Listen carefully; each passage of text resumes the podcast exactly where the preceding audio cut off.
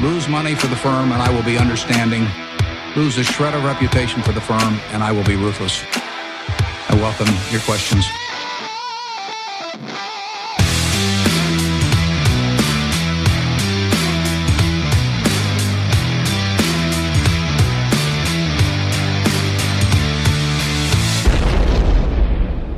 Hej och hjärtligt välkomna till Kvalitetsaktiepodden. Det är jag som är Ola. Det är jag som är Marcus. Ja, och det är jag som är Hes. Nej, jag menar Klas. Det här är avsnitt 107 som spelas in tisdag den 21 december och släpps natten till den 23 december.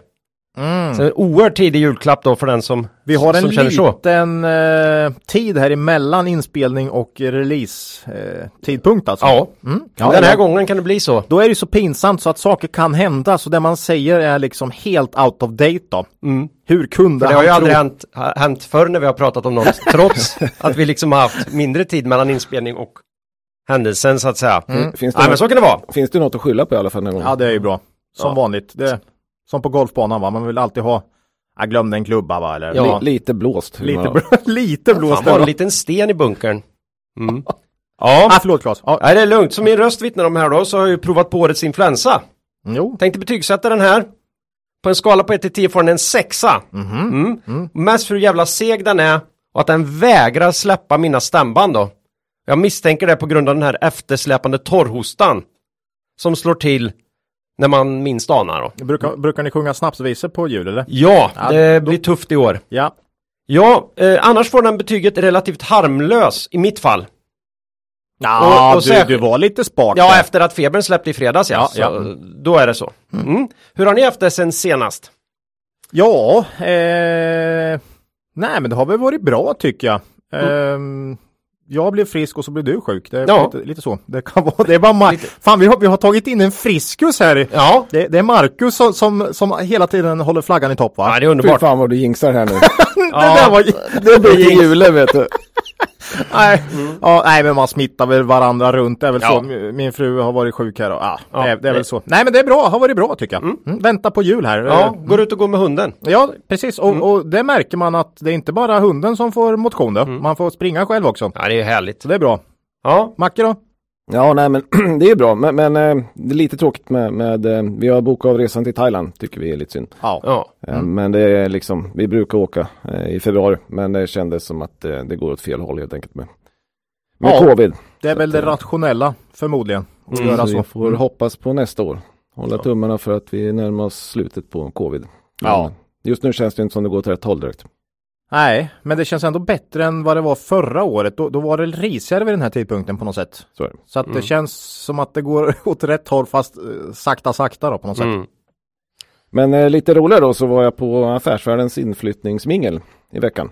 Eh, det var extremt trevligt. Ja, vad Eh, kul. och eh, bland annat så fick vi två böcker. Eh, bland annat en som heter då eh, Börsens bästa, eh, vad heter den?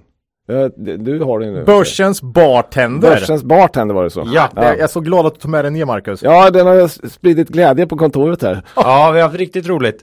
Den här fick alltså Marcus, eh, vi ska säga att vi var också bjudna här men Claes och jag Ja, ni hör ju varför inte jag var där i alla Ja, fall. och så bor vi ju en bit ifrån vår, eh, vår fina huvudstad här. Så, Ja. så att, eh, Då får Stockholmskontoret ta det. ja det fick Stockholmskontoret ta. Det, ja, det här är ju Börsens bartender av Hans-Olof Öberg. Jag tror på något sätt är det något samspel med mm, Peter Benson va? Eh, eller han har i alla fall med här i, i upp, upptakten på det här på något sätt. Eh, nej men det här är en briljant bok. Man försöker koppla samman investeringar med drinkar då på något sätt. Mm. Eh, vi har haft lite roligt åt den här i veckan. Jag tänkte läsa en drink här för er bara då. Serieförvärvaren då. Eh, recept. 6 centiliter iskall Jägermeister, 2 centiliter favoritrom. Eh, den behöver inte vara kostsam, står det också inom parentes. 12 centiliter ananasjuice och sen står det skaka med is och sila ner i högt glas med fräsch is. Toppa med lite torr tonic för syneriska bubblor. Garnera med limeskiva, njut av multipelarbitragets sötma. Och på det temat fortsätter du då. Ja. Det, det, det här är något man verkligen kan ha kul åt eh, på nyår till exempel, när man ska göra drinkar. Mm. Ja, om man, om man nu är lagd åt det hållet. Ja. Som vi är. Ja, nej, Ja. så tack eh, säger vi till Affärsvärlden eh, för att vi fick den Ja, trevliga boken. Ja. Mm. så är det. Mm. Eh, ja, eh, för ni har ju eh, jobbat vidare oförtrutet som man hörde här i min eh, relativa frånvaro. Och vi har en hel hög med spännande bolag att prata om idag. Mm. Varav ett nytt. Och troligen det dyraste vi går igenom på riktigt sedan poddens begynnelse. Men kanske också det finaste sedan BTS var med. Ja, på den nivån. Alltså idag kan jag säga vi har verkligen högt och lågt här. Ja, Vi har två riktiga sådana klassiska värdecase. Vi har eh, som sagt ett eh, högt värderat eh, kanonbolag. Vi har norskt och ja, det, det är så mycket idag så man vet inte vad man ska sätta munnen. sätta munnen alltså. Ja, mm. Eh, några andra då, som också uppdaterar, ständigt uppdaterar kunskapen om sina befintliga potentiella investeringar, vet ni vilka det är? Nej, ni är så grymma på det här. Ni sätter det varje Otroligt. inspelning alltså. Ja, ja. Nej, det är ju, vi har ju åter med oss vår huvudsponsor Cavalier AB. Mm. Det här är ju årets eh, sista podd. Och eh, när nyåret står för dörren så är det läge att tänka igenom nyårslöftena. Mm. Varför inte starta upp ett litet eget fondsparande eller utöka ett befintligt? Pengarna som dras från lönekontot innan man riktigt ens hinner se dem är ju den bästa sparformen. Ja, ja det, Det här har det, jag du säger något där faktiskt. Det här har jag Ja. upplevt genom livet. Livet har ju en förmåga att hitta avsättning för de pengarna som finns kvar på löne och räkningskontot, eller hur? Ja, Oavsett vilken månadslön jag har haft så går alltid pengarna åt. det är därför det är så, det är så svårt att bli rik på förvärvsarbete Ja. på något sätt. För, för liksom, du, du rättar mun efter matsäck på något sätt Ja, tiden. det är ja. jättekonstigt. Så, så skicka iväg pengarna direkt. ja. Och har man då inte tid att investera dem själv så hjälper ju eh, Cavalier gärna till. Mhm. Och då kan man titta till exempel på kavaljer.se om man vill läsa på om fonderna Cavalier Quality Focus eller Cavalier Investmentbolags fond. Två bra alternativ. Ja, och vill man veta mer om Peter Håkans investeringsfilosofi bakom fonderna så hittar man ju den också då på hemsidan under menyn kapitalförvaltning och undermenyn förvaltningsfilosofi. Ja, Och Cavalier vill även passa på att önska våra lyssnare en riktigt god jul och ett gott nytt år. härligt. Mm. Och man ska också komma ihåg att historisk avkastning i fonder inte behöver vara en indikator på framtida avkastning. Ni kan förlora delar av ert satsade kapital då fonder kan både gå upp och ner i värde. Tack och god jul säger vi till vår huvudsponsor Cavalier AB. Ja, och eh, vi vill ju som vanligt också tacka vår samarbetspartner Börsdata. Värdeinvesterarens bästa vän. Ja, redan i, eh, så sent som i morse satt jag och kände, fanken vad bra det. Eh, Ja. Jag behövde lite eh, snabb information om eh, några nyckeltal i lite olika bolag här och vad gör man då? Ja, Ja, snabbt in på börsdata och så mm. Du hade sett lite nyheter och sett få lite lite mer Ja. kött på benen. det går så fort så. Ja. Nej, grymt. Det är underbart. Mm. Eh, alltså det här har varit ett helt otroligt år för Börsdata med Ja. så mycket händelser att de skulle behöva ett eget Året som gått på SVT för att göra det rättvisa. Året som Ja. ja. kungafamilj. Och Börsdata. Ja, jag vet ju vilken av de två jag skulle helst Ja, titta på kan jag säga. Ja, de har alltså färdigställt den fina terminalen. Mm. De har hållit, jobbat hårt med utvecklingen av de färdiga strategierna. Mobilversionen funkar kanon. Och inte minst nu då med ägardata med mer från Holdings. Mm. Det här är ju bara, och det är bara några guldkornen. Ja, Så vi uppmanar som vanligt alla som sysslar med investeringar att spana in borsdata.se terminal Mm. om man inte redan har gjort det. Och man ska inte, miss, inte heller missa att söka jobbet som datansvarig på Börsdata. Och då finns länk till annonsen i avsnittsbeskrivningen. Eh, god jul och gott nytt år önskar George och Henrik på Börsdata till alla våra lyssnare. Och jag tänker att vi önskar detsamma tillbaka till dem. ja god ja, jul. God jul på er och tack för ett härligt år. Ja. Mm. Innan vi går vidare i avsnittet vill vi påminna våra lyssnare om att aktieinvesteringar alltid innebär ett stort risktagande. Aktier kan både gå upp och ner i värde, satsa därför aldrig kapital på aktier som du inte är beredd att förlora. Det vi säger i podden ska aldrig betraktas som köp eller säljrekommendationer. Gör alltid din egen analys av bolagen innan eventuell handel. Ja, jag tyckte det var bra start idag. Ja, så risig låter du inte tycker jag. ändå. Ja, det, är, det, det får nog lyssnarna döma.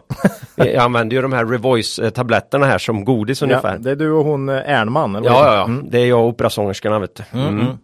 Ja, eh, aktuellt. Jag har en hel rad här idag. Jag vet inte, Macke ska har ni blivit, slåss om det Nej, eller? Macke har blivit vår aktuellt kung här. Ja, så, som, i- som så mycket annat Ja. han är king på kan jag så, så att Macke ska ta lite aktuellt här va? Ja, vi, det har hänt ganska mycket sen Ja. senaste podden. Eh, vi får ju nästan sålla lite grann. Men eh, vi börjar med Inwido, tycker jag. Mm. Eh, för att eh, det var ju så att man offentliggjorde nya mål eh, på kvällen den 8 december.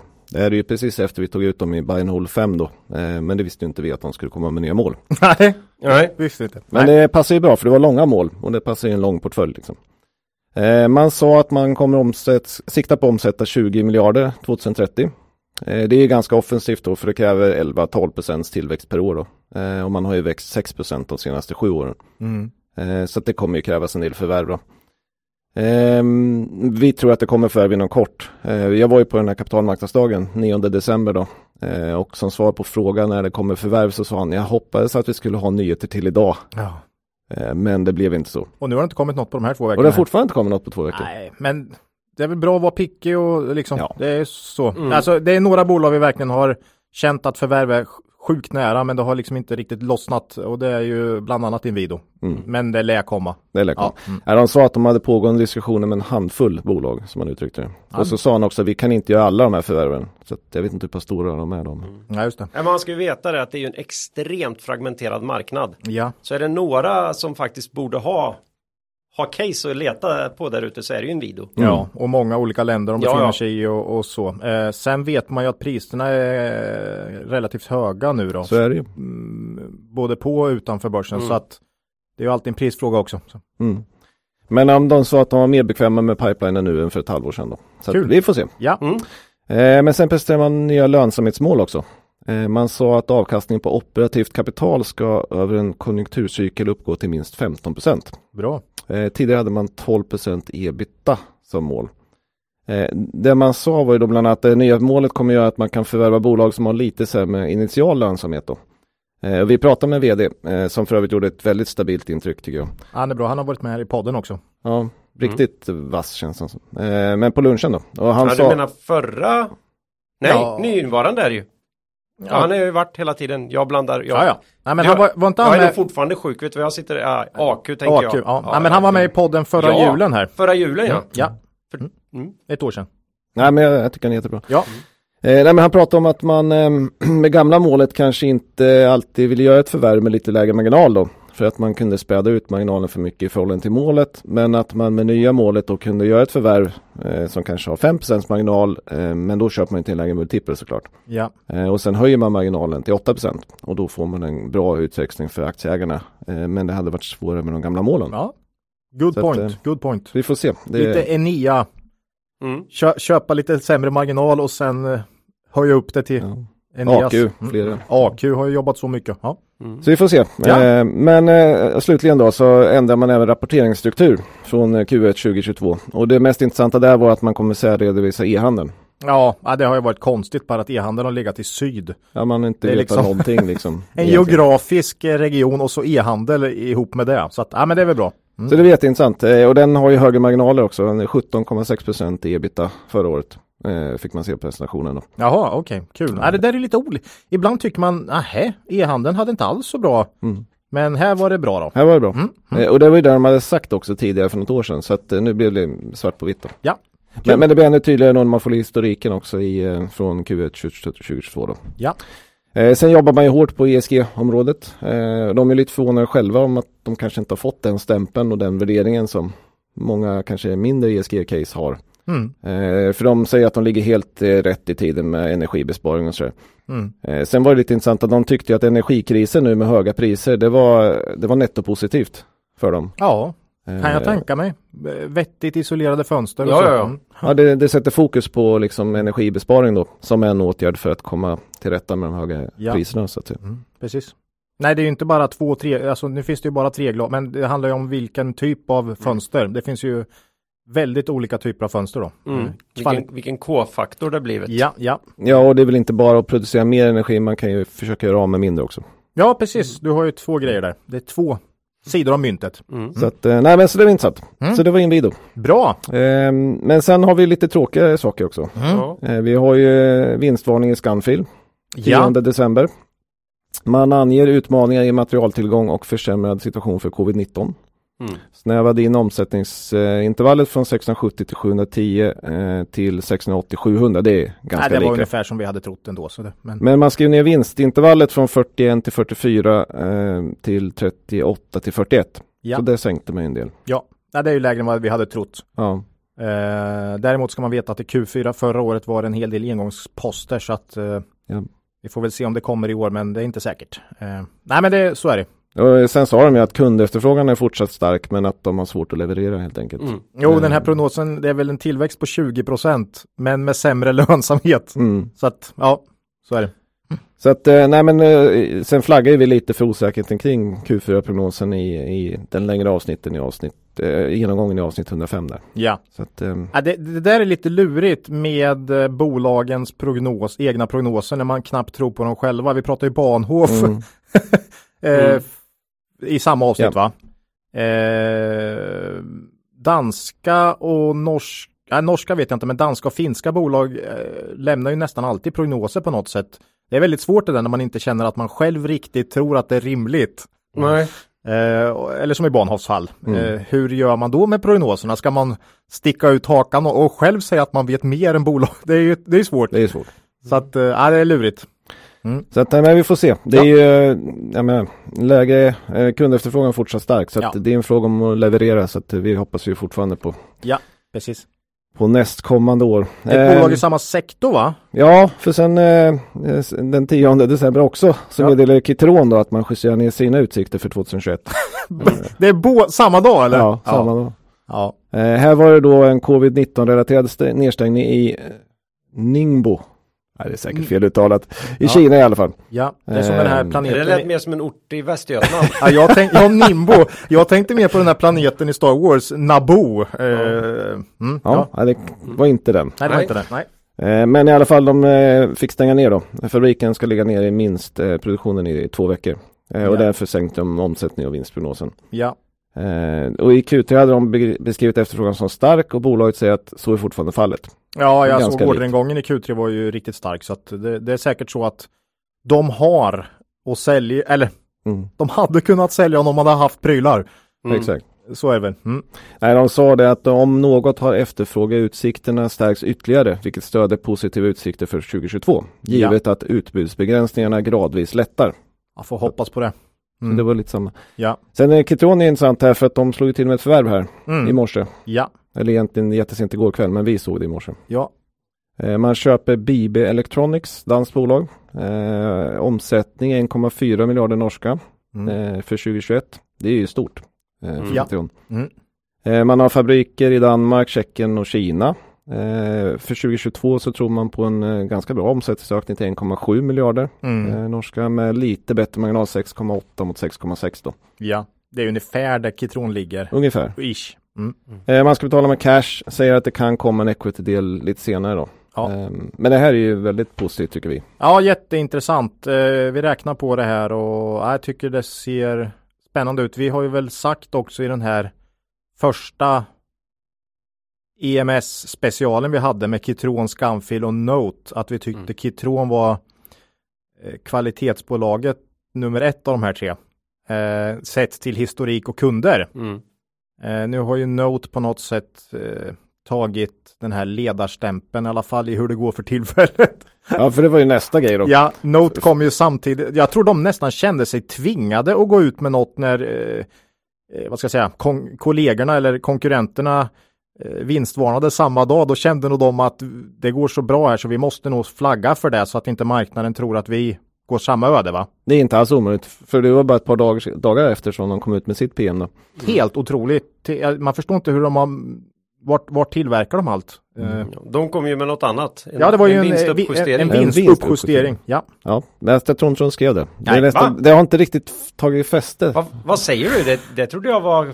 De skrev det här, nu. de skrev omvänd vinstvarning eller? Nej, de jag, skrev kommer, bara- jag vet faktiskt Nej, inte vad de skrev, nej, men, nej. de skrev inte vinstuppjustering. Det är ju nej. synd, för vi har ju försökt eh, få, Få in in det. det. Ja. Nej, ju. Få jobba långsiktigt. Eh, Men de hade i alla fall en omsättning i fjärde kvartalet som de förväntar sig på 745 eh, miljoner. Det är 60% tillväxt. Helt Mm. otroligt. Eh, Det här är ju inte digit- det här är ju liksom inte digital försäljning. Det är ju prylar som ska tillverkas här. Det är Mm. otroligt alltså. Ja. Eh, och rörelsemarginalen överstiger rekordmarginalen från eh, föregående år och 9,4 procent. Ja. Så att eh, bedöm- bedöms överstiga marknadens förväntningar. Eh, efterfrågan är fortsatt på rekordnivåer på samtliga hemmamarknader. Eh, inga utmaningar i leveranskedjorna för dem. Äh, fantastiskt. Mm. otroligt att det kan vara så pass olika i samma ändå till synes bransch då. Mm. Eh, nu är det väl kanske olika kunder och lite olika produkter som vi inte riktigt känner till då. Men, men eh, mm, nej, imponerande. Väldigt imponerande. Ja. Men sen är ju värderingen nu ganska mycket högre än de andra. Värderingen har ju dragit iväg rejält i Note medans jag såg Kitron var upp bara några procent i år eh, sen årets start i alla fall. Ja. Eh, och kanske Scanfil har jag inte riktigt koll på men vi ska väl säga där också att vi äger faktiskt aktier i både Kitron och Scanfil då. Men inte i Note. Eh, Det är lite synd nu. så här i Och då efterhand. undrar väl folk varför ska vi lyssna på den här podden? Ja, de säger ju bara dåliga grejer hela tiden. Mm. Mm. Men det är ju, backtrading är inte så svårt. Backtrading är inte så Nej, det är lite lättare. Nej men så är det. Nej men eh, i spännande sektor som Ja. vi har börjat eh, snöa in lite på, eh, nog på grund av podden till viss del. Jag var ju väldigt tveksam efter de här svaga åren här eh, för tio år sedan. Mm. Men nej, vi tror att det är en intressant sektor här. Och, och, Vi intressant, tror ju att det finns ett hemflyttningsspel här också. Ja. Nu, nu. och elektrifiering, eh, elektroniska produkter är ju starkt och eh, ja, eh, jag, jag kan se en vettig framtid för de här bolagen både på lång och faktiskt kort sikt. Kollar du Scanfil nu tillväxt på kanske 20% i Q4. Kitron jättebra orderingång. Okej, kan inte få fram produkter, men efterfrågan ser stark ut och Note behöver vi inte eh, förklara utan Nej. det går ju bra. Eh. Men sen får vi kolla på Incap någon gång. Det har vi fått in en del förfrågningar om. Inition har vi med tror jag, har vi nämnt någon gång, men Incap ska vi, ska vi också ta. Har ju väldigt mycket bättre marginaler. Ja. Det är alltid lite oroande ibland då, om man har bättre än alla andra. Ja, eh, eller så är det på grund av något då. Eh, men, men man blir alltid lite, när de andra ligger på 7 eh, rakt över och så ligger någon på 15 då, Mm. då funderar man ju på Fantastiskt duktigt. Men, Hur men, är det eh, möjligt? hur är det möjligt? Det var just det va som körde den. Ja, Ja, ja men eh, okej, okay. lite EMS eh, nyhetssvep där då. ja, Ja. men sen har vi en tråkig till kvar då. Nej men det kan väl inte Aj. vara så att ytterligare någonting som vi tog med i Vår Buy and Hold hold. 5 Och som vi har dess- kommit med några negativa nyheter. Jo då, Va? Och lite på samma tema Ja, va? det var väldigt likt. Men eh, 15 december då så varnade ju Proact för att men- man eh, den rådande halvledarbristen förväntas leda till kraftigt ökade leveransförseningar Mm. hos flera av Proacts stora systemleverantörer då. Eh, och därmed bedömer man att eh, omsättningen och resultatet för fjärde kvartalet eh, kommer påverkas negativt då. Eh, Den globala halvledarbristen leder till väsentliga leveransförseningar helt enkelt. Eh, och det här var ett systemaffär på uppskattat värde 150 till 250 miljoner då. Mm. Som Ja, det är inte kommer in. mycket. Det Ja. är ju Mycket. 30 procent av deras ish, deras eh, försäljning av system i, i ett kvartal. Mm. Eh, Q4 liksom. Eh. Nej, den här såg inte jag komma i alla fall. Eh, man tänkte ju mer på ja, IMS, kanske AQ och Mm. men ja, det drabbar många bolag det här. Ja, vi tittar väl tillbaka i Q3, det var väl inte så Nej, jag läste vd-ordet i Q3 för Proact och det var inte någonting om, om några problem i leveranskedjor där. Nej. Men nu är det inte Proact, ja, Proact får ju problem, men det är väl deras system, underleverantörer då som. Sen är väl marginalerna på, på de där affärerna inte alls som på, på tjänstedelen. Så. Ja, den är ju lite intressant. Även om man tappar mycket omsättning här så är det inte säkert att vinsten droppar igenom fullständigt. Mm. Eh, För att eh, den, lön, den lönsamma delen är ju s- tjänstedelen här. Mm. Eh, och den kan ju bli hyggligt intakt. Däremot så blir det ju någon förskjutning för alla systemaffärer ger ju tjänsteintäkter så småningom. Så det förskjuts ju lite på framtiden här nu. Men äh, man sa att man går in i Q1 med en stark orderbok och det, så är det väl. Mm. Eh, Ja. Man, man eh, vd Jonas Hasselberg där sammanfattar i intervju efteråt att eh, det här är inte någon god nyhet men eh, bolaget har en god eh, orderingång eh, haft, haft under fjärde kvartalet. Och man sa att det är en bra efterfrågan på marknaden både på produkter och tjänster inklusive våra egna måltjänster. Vi tror att det är ett temporärt problem. ja. Nej, men det, är, det är lite som Kitron och Scanfil. Ja. Eh, efterfrågan finns men produkterna finns inte. Ja. För det är lite grann hur man ser på det. Om det är bara är en förskjutning så är det inte så farligt. Lite försenade intäkter men, eh, men visst det påverkar marknadens bild av, av bolaget då. Ja. Ehm, förtroende alltid. Mm. Eh, Och sen så kan det ju vara så att även Q1 blir drabbat för att det som då skulle levereras skjuts en på framtiden. Ja, och det antyddes ju rätt hårt att det här, det här kommer spela med in Ja, i man- inledningen av Ja, man, 2022. ja lite så. Man, man, man sa så någonting. sa man inte ett jävla pip i Q3 så tyckte jag nog man sa desto mer här. Ja, lite. Precis. Så Samtidigt på lång sikt så har det ingen större påverkan. Mm. Nej. Vi, vi är ju fortfarande aktieägare. Vi äger fortfarande aktier i Proact. ja. Ja. Men det hade varit roligt att inte få den där Ja, julklappen. vi fick, vi fick två sådana leveransproblemsvarningar här samma vecka där. Men Mm. Ja. på lång sikt så tror vi det eh, fortsatt bra. Ja, Mm. Det var det. det var väl eh, Glatt och mindre glatt. Ja, jag vet inte, ska man, ska man säga någonting oerhört eh, snabbt om bröderna Hartman också? Hur det här med politisk risk? Ja, just det. jag såg eh, det. Mm. Religiös risk. Det är strid i Indien om huruvida ägg ändå är okej att käka för de Va? rätt troende. Mm. Alltså sånt där ser man jäklar inte komma hur som helst från sidan. Nej, Nu är den inte jätte, inte den naturligtvis största marknaden för, Mm, för Hartman, men det är ändå no, ett, ett område där man, eller ett geografiskt område där man har tänkt sig att satsa och har satsat. Ja, för man gjorde ett förvärv där Mm. och, och försökte slå sig in. Indien är ju en stor del av världens Mm. befolkning så att säga. Eh, så att, eh, nej, Nej, artikel i DN, det är bara att läsa om jag man är inte intresserad. ens, jag förstår inte ens eh, varför ägg. Men, men, Nej men det går ju inte, det är ju det är ju sådär med religion liksom. Ja, nå- någonting är det som inte är bra Ja. eh, reli- ur religiös syn. Nej, det är- inte vegetariskt anser man. helt Ja, enkelt. Okej, Mm. nej det är det ju inte. Ja. Eh, det, var, det var en sån här eh, lite förvånande nyhet. okej. Mm. Eh, det var aktuellt. Ja, Så var det. mat, matnyttigt. Då ska vi också då försöka eh, ta oss igenom sex bolag här då. Mm. Och vi kör väl direkt eller? Ja, Ja, det här är ju Carium då. Nytt på börsen och nytt i podden. Mm. Eller inte kan man säga. Ah, inte alls faktiskt har, egentligen. Nej, men vi har väl ett och ett halvt nytt nästan idag kan man säga va? Ja, det här räknar jag, det här räknar inte ens som ett nytt bolag. Nej, Däremot ett annat bolag räknar jag som ett Jo, halvt det, nytt. det är ju nytt. Mm. Ja. Mm. Vad säger du om Carium då? Ah, jag vet inte, man får väl börja här med att säga eh, Det här är ju då avknoppningen från Doro som gjordes här eh, ja, Vad kan det vara? Ett par veckor sedan va? Mm. Ehm, här har ju då 1 plus 1 definitivt inte blivit 3 som väldigt många trodde. Nej, så här fel om något har inte haft sen Pandora, ska jag vilja säga.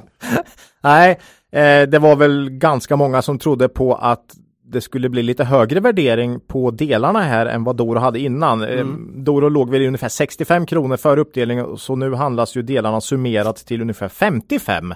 Så en nedgång på 15 procent ungefär. Det är ganska oväntat. Ja, ganska oväntat, men som sagt, vi har inte sett vi får väl, framtiden får väl utvisa här, men åtminstone det initiala är ju att delarna är mindre värda än, än helheten då.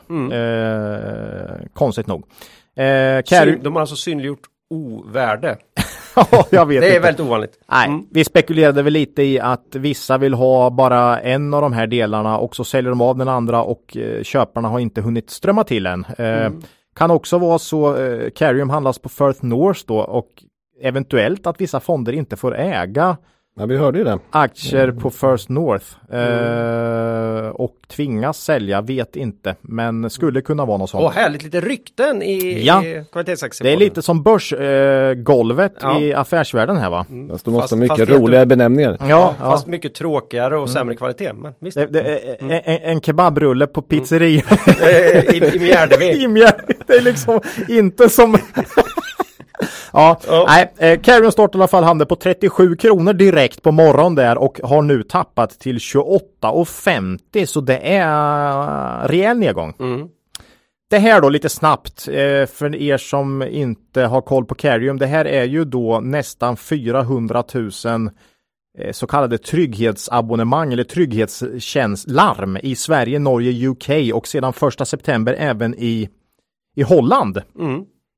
Eh, digitala trygghetslarm ska vi säga. Det har funnits analoga väldigt länge här eh, runt om i Europa men Doro är ju, har ju gått i bräschen för eh, de digi den digitala eh, här då va. Mm. Framförallt intressant för UK har väldigt stor andel analog fortfarande. Eh, man har 600 anställda på sex larmcentraler, 25 000 larm per dag. Mm. Jag blev helt chockad när jag läste den siffran. Det är alltså 400 000 abonnemang och 25 000 larm per dag. Mm. Jag som har jobbat på vårdhem under stora delar av min studietid eh, är inte det minsta förvånad över den här frekvensen. Nej, många... Jag, skulle, jag, det är nog inte ens 80-20-regeln på dem heller utan jag skulle misstänka att det är 10% som står för 90% av larmen sånt. Trycker 20 gånger om dagen kanske. Mm. Mm, ja. eh, sex larmcentraler, där har man väl också pratat om att över tid så finns det någon skalfördel här. Man kanske kan minska antalet larmcentraler. Mm. Eh, man får ju med, nu i Holland måste man ju ha, liksom, man får ju med en larmcentral, men man kanske kan få ner antalet i Norden till exempel, eller kanske bara gå över till ett i UK och så vidare. Va? Eh, kan vara något. Eh, här finns ju en demografisk underliggande tillväxt såklart med en åldrande befolkning och sådär och dessutom många som vill leva sitt liv i sin hemmiljö längre på något sätt. Och även ett samhälle som gärna ser att de gör det kan jag säga. Ja, lite så. Eh, kan man hjälpa eh, folk att bo hemma längre så är ju det bra för både, för, för de flesta helt enkelt. Ja, du, alltså vårdplatser är så fruktansvärt dyrt i de här länderna där eh, Carum är verksamma så att Mm, mm. allt, kan man eh, ordna någonting med hemvård så är det Ja, ja, du är beredd att betala rätt mycket för det här. ja. Både samhället tjänar på det och förhoppningsvis tjänar den enskilde personen på det också då. Jag tror att det tyvärr kan vara 50-50 vem Mm. det är som tjänar. Ja. Mm.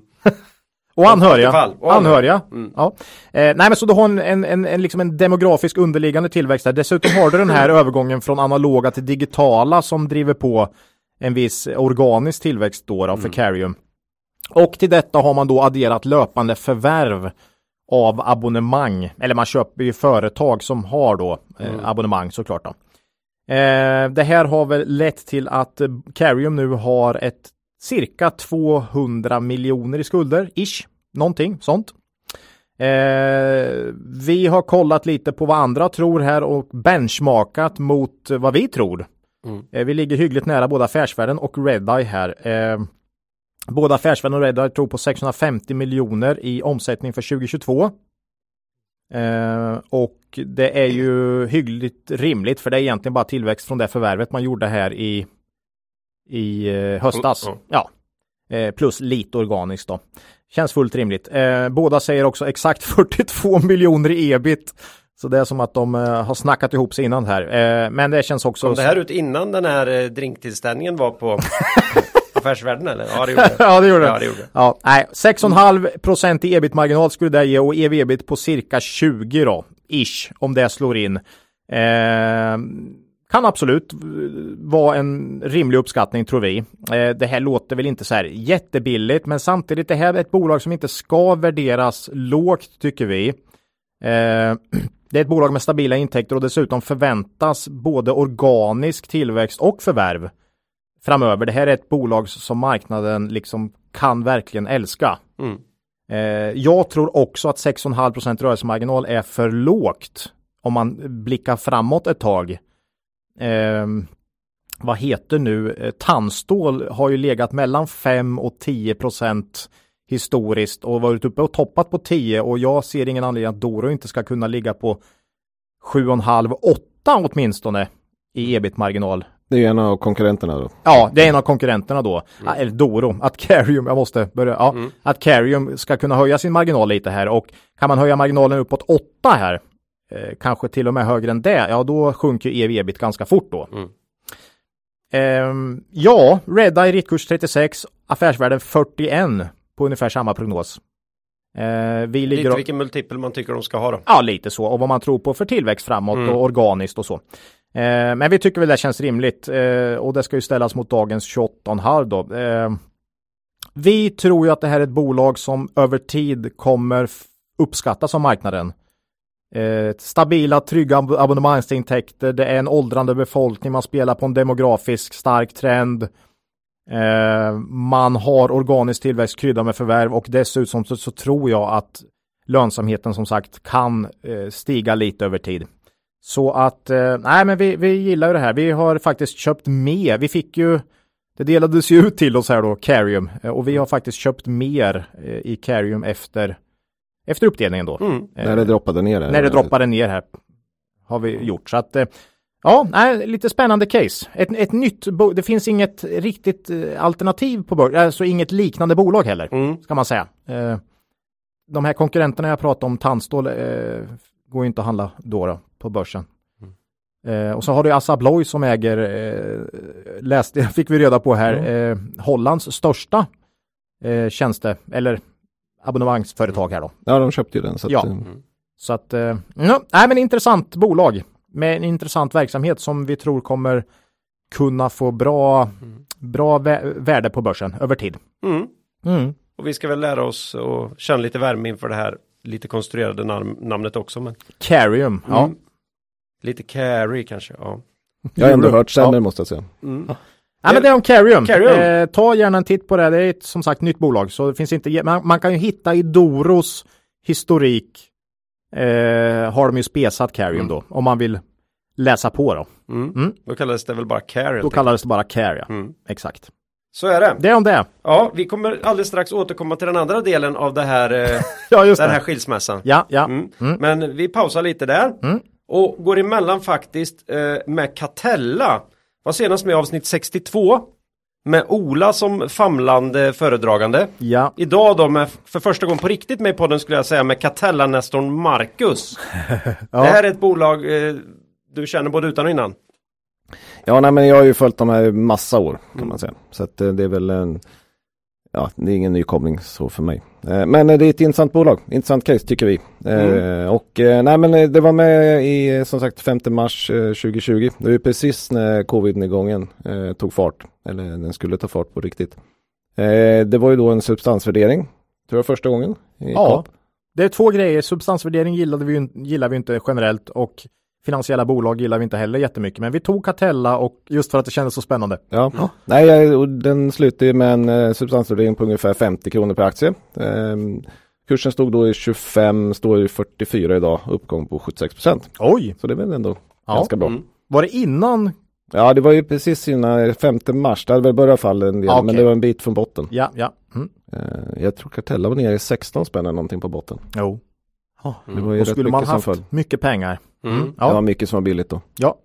Eh, Ja, nej, men Catella har ju bedrivit flera olika typer av verksamheter eh, och har renodlat det här på slutet och det är lite av caset då, att det syns bättre vilka delar som är intressanta. Eh, sen har ju renodlingen inte varit bara för att man velat det utan för att man har tvungen. Man har haft delar som inte alls gått bra. Man har lång tid sysslat med att avveckla bankverksamheten. Eh, det här har dragit massa kostnadsresurser från bolaget då, och hållit på eh, orimligt länge. Mm, flera år. Ja. Eh, Men på konfkålet efter Q3 sa man nu går det framåt. Svårt att veta hur snabbt myndigheterna i Luxemburg arbetar men den ska snart vara borta. Och det ska inte komma några mer kostnader. Man har ju löpande fått tag i avvecklingskostnader för det här. Ja. Eh, utan det blir mest en fråga om när man blir av med det här så får man loss likvida medel då från balansräkningen. Och mycket enklare redovisning. Eh, så att det är bra för bolaget. Eh, sen är, finns det ju rykten om att man har haft köpare på, av banken då, eh, på ganska bra nivåer men att det aldrig blev av av olika anledningar. Eh, det hade ju varit fantastiskt Ja. bra. Eh, tänk att sälja av den för flera år sedan istället för en kostsam seg avveckling. Liksom. Ja, och dessutom fått pengar ja. Och fått pengar. Ja. Men det är ingen idé att gråta över spillmjölk som Nej. man brukar säga förut. Så är det. Näpp. Eh, I podden då så pratar Ola också om att eh, man har två sorters fonder, fastigheter och eh, vanliga fonder då, aktierelaterade fonder. De här har utvecklats väldigt olika då sedan avsnittet. Fastighetsfonderna går jättebra, det ska jag säga guldägget, men vi kommer återkomma till det på slutet och tar de börsrelaterade fonderna först då. De hade en bred produkt då som massmarknadsprodukt under varumärket Catella Fonder. De här ja, gick väl inte så superbra, skulle jag ändå säga. Eh, och man eh, beslöt sig för att sälja bort eh, det här. Man sålde 70 då för 140 miljoner. Det finns ett PM från 22 september 2020. Mm. Det här gav en förlust på 9 miljoner. Köpare var då Stefan Charets investeringsbolag. Han var ju tidigare vd i, i Creades. Mm. Och här har man en option på att sälja resterande 30% i januari 2022 för 60 miljoner. Efter, Gör, gör man det eller vad tror du? ja, men eftersom köparen har liknande option att köpa för samma pris så kommer ju någon av dem att eh, liksom använda sin option. Så att Okej. det kommer man göra. Ja, ja. Sen, då är den borta sen. Då är den borta och Ja. då inkommer 60 miljoner till då. Mm. Eh, I fonddel har man ju sen även någonting som heter IPM. Eh, Inform Portfolio Management, här för det står för. Eh, det hade man 60% av. Eh, och man sysslade med investeringsstrategier eh, baserade på ekonomisk teori, det vill säga makroanalys. Mm. Det brukar vara en favorit här. Ja. Mm. Det gick säkert jättebra för den. Ja, det, det gjorde det länge, Mm. men sen gick det inte alls bra. Nej. Nej, men de, de här såldes till institutionella investerare och förvaltningen gick jät- jättebra fram till covid. Eh, sen verkar det inte gå alls eh, för att man hade jättedåliga resultat i pandemin och sen eh, efter pandemin funkar inte modellerna heller. Nähä. Jag vet inte riktigt vad det blev för sorts skifte där. Men... Modeller som funkar i en typ av verklighet. Ja. Men inte en annan kanske. Mm. Ja, uppenbarligen. Eh, Så att man, man, fick, man gick dåligt helt enkelt och man fick stora uttag. Eh, och 22 april då i år så meddelar man att man avslutar verksamheten, lämnar tillbaka pengarna som är kvar. Då. Det är en renodling här av Catella. Det ja, men det är det definitivt. Säga. Mm. Eh, och här fick man en smäll på 103 miljoner som man tog i Q2 2021. Då. Mm. Eh, och om man går tillbaka till 2018-19 så hade man liksom hela fond, den här fonddelen ett rörelseresultat på 300 miljoner. Oj. Det finns rykten om att man även där hade möjlighet att sälja det här då. Det hade ju varit mumma. Mm. Men igen, ingen idé att gråta över spillmjölk. Nej. Så att här har vi några delar som man har avvecklat för att det helt enkelt inte gått så bra. Mm. Um, men en del som har tuggat på hela tiden då är Corporate Finance-delen. Uh, Catella säger att det här är en ledande rådgivare inom den europeiska fastighetssektorn. Man har en ganska bra ställning, man har varit hållit på ganska länge. Borde ha varit bra senaste åren här i Ja, sen hade man en covid, eh, alltså det som hände med covid var också att man stannade upp eh, transaktionerna. Folk kunde inte ah, resa, man, man liksom blev osäker på vad, Sant. vad, vad liksom, hur kommer det gå nu framöver och då, ja men korpen lever på att göra transaktioner. Ja, ja.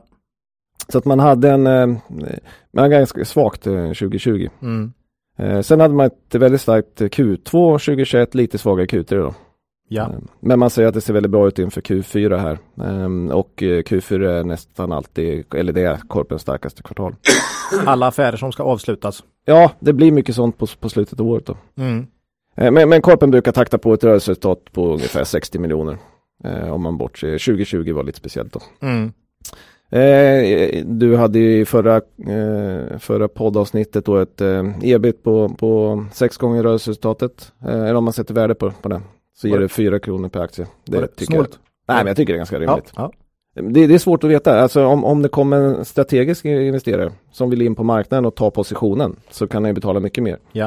Eh, Nej, men, det, är, det är svårt. men det är ju också tveksamt om de säljer, Mm. ska jag säga. För att den här delen kopplar till de andra delarna Mm. väldigt eh, tajt då. Eh, så jag tror inte att den kommer säljas. Nej.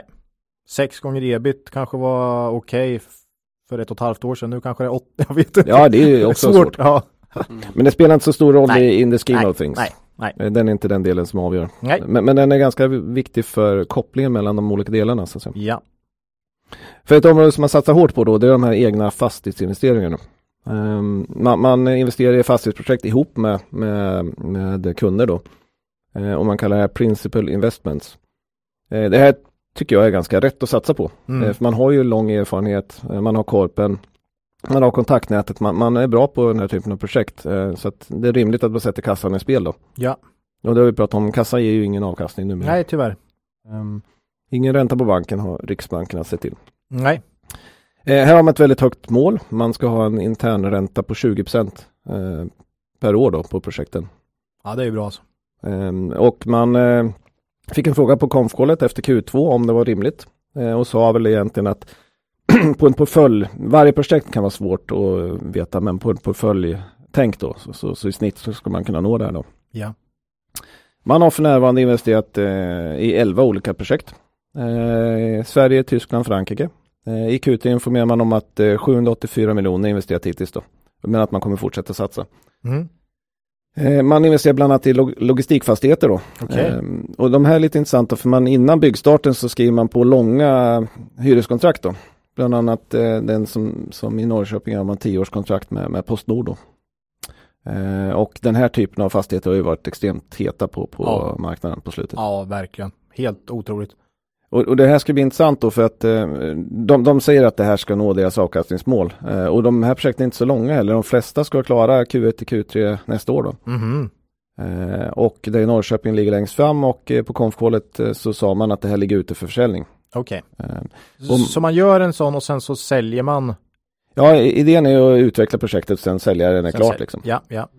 Och, och man sa att intresset är stort och att det här kan säljas till och med innan årsskiftet. Nu börjar det bli ganska tajt då, Ja, ja. om man ska göra det. ja. Man får hoppas intresset hålls uppe. Det finns ju någon form av risk här med hela den här fastighetsdelen, men gör man det smart och försöker teckna långa avtal innan och så där så Ja, Du har ju tagit ner risken i själva ägandet Ja. av fastigheten. Så Ja.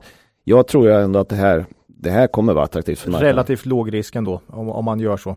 Och, och, och det här blir intressant då när man säljer den här för att det här kommer ju då synliggöra lite andra projekt då och vad man kan förvänta sig av dem då. Just det. Är det första som... Det är första logistikprojektet Ja. som i, i svenska som, Ja, det är ju alltid kommer. här. intressant när de... offentliggörs ja. Mm. Så, så det blir väldigt intressant. Eh, sen finns det ju möjligtvis ett sätt att eh, liksom äta kakan och ha den kvar. Det vill säga att man, man skapar någon sorts eh, institutionell produkt av det här som man säljer in eh, projektet i och kan realisera ett värde men att även då sälja själva produkten ut till investerare och ja, så att säga ha den kvar. Så att, Ja. Vi får se. Man hade lite hintar om att man eh, tänkte åt det hållet. Mm, mm. Men man har ju ett stort fastighetsprojekt som man redan har realiserat då. Eh, kallades Grand Central i Düsseldorf, eh, klappat och klart. Eh, man investerade 2015 så det är väldigt gammalt då. Eh, såldes 19 med en vinst på 170 miljoner, 2 kronor per aktie då. Snyggt. Och det är ganska mycket, särskilt eh, då var ju värdet på aktien också klart mindre än idag. Mm. Eh, 155 miljoner bokfördes dock först i Q3 2020 ska man ha koll på om man tittar på räkenskaperna. Eh, det, är lite, är svårt att räkna ut hur stor avkastningen var men jag har sett uppskattningar på 30 procent eh, IRR. Då. Ja. Eh, så ännu bättre än interna målet. Sen har man ett annat stort projekt som närmar sig slutförande och det kallas Kaktus. Det är 495 studentbostäder i bra läge i Köpenhamn. Eh, Bygglov 2019 eh, ska vara klart Q3 2022 då man kan komma och säljas tidigare. Här kan man, den som är intresserad, gå och läsa. Red har gjort en bra genomgång av liknande projekt. Eh, De estimerar 150 till 300 miljoner i vinst då, 1,7 till 3,6 kronor per aktie då. Mhm. Eh, Men som i fallet med logistikfastigheter skulle man kunna eventuellt sälja till någon av fastighetsfonderna. Vi får se. Ja. Eh, Men man kommer visa bra resultat. Men sen är ju frågan, hur kommer börsen se på de här fastighetsprojekten? Är det en engångspost som ska läggas till kassan? Eh, Eller är det liksom ett affärsområde som ska få en multipel på det?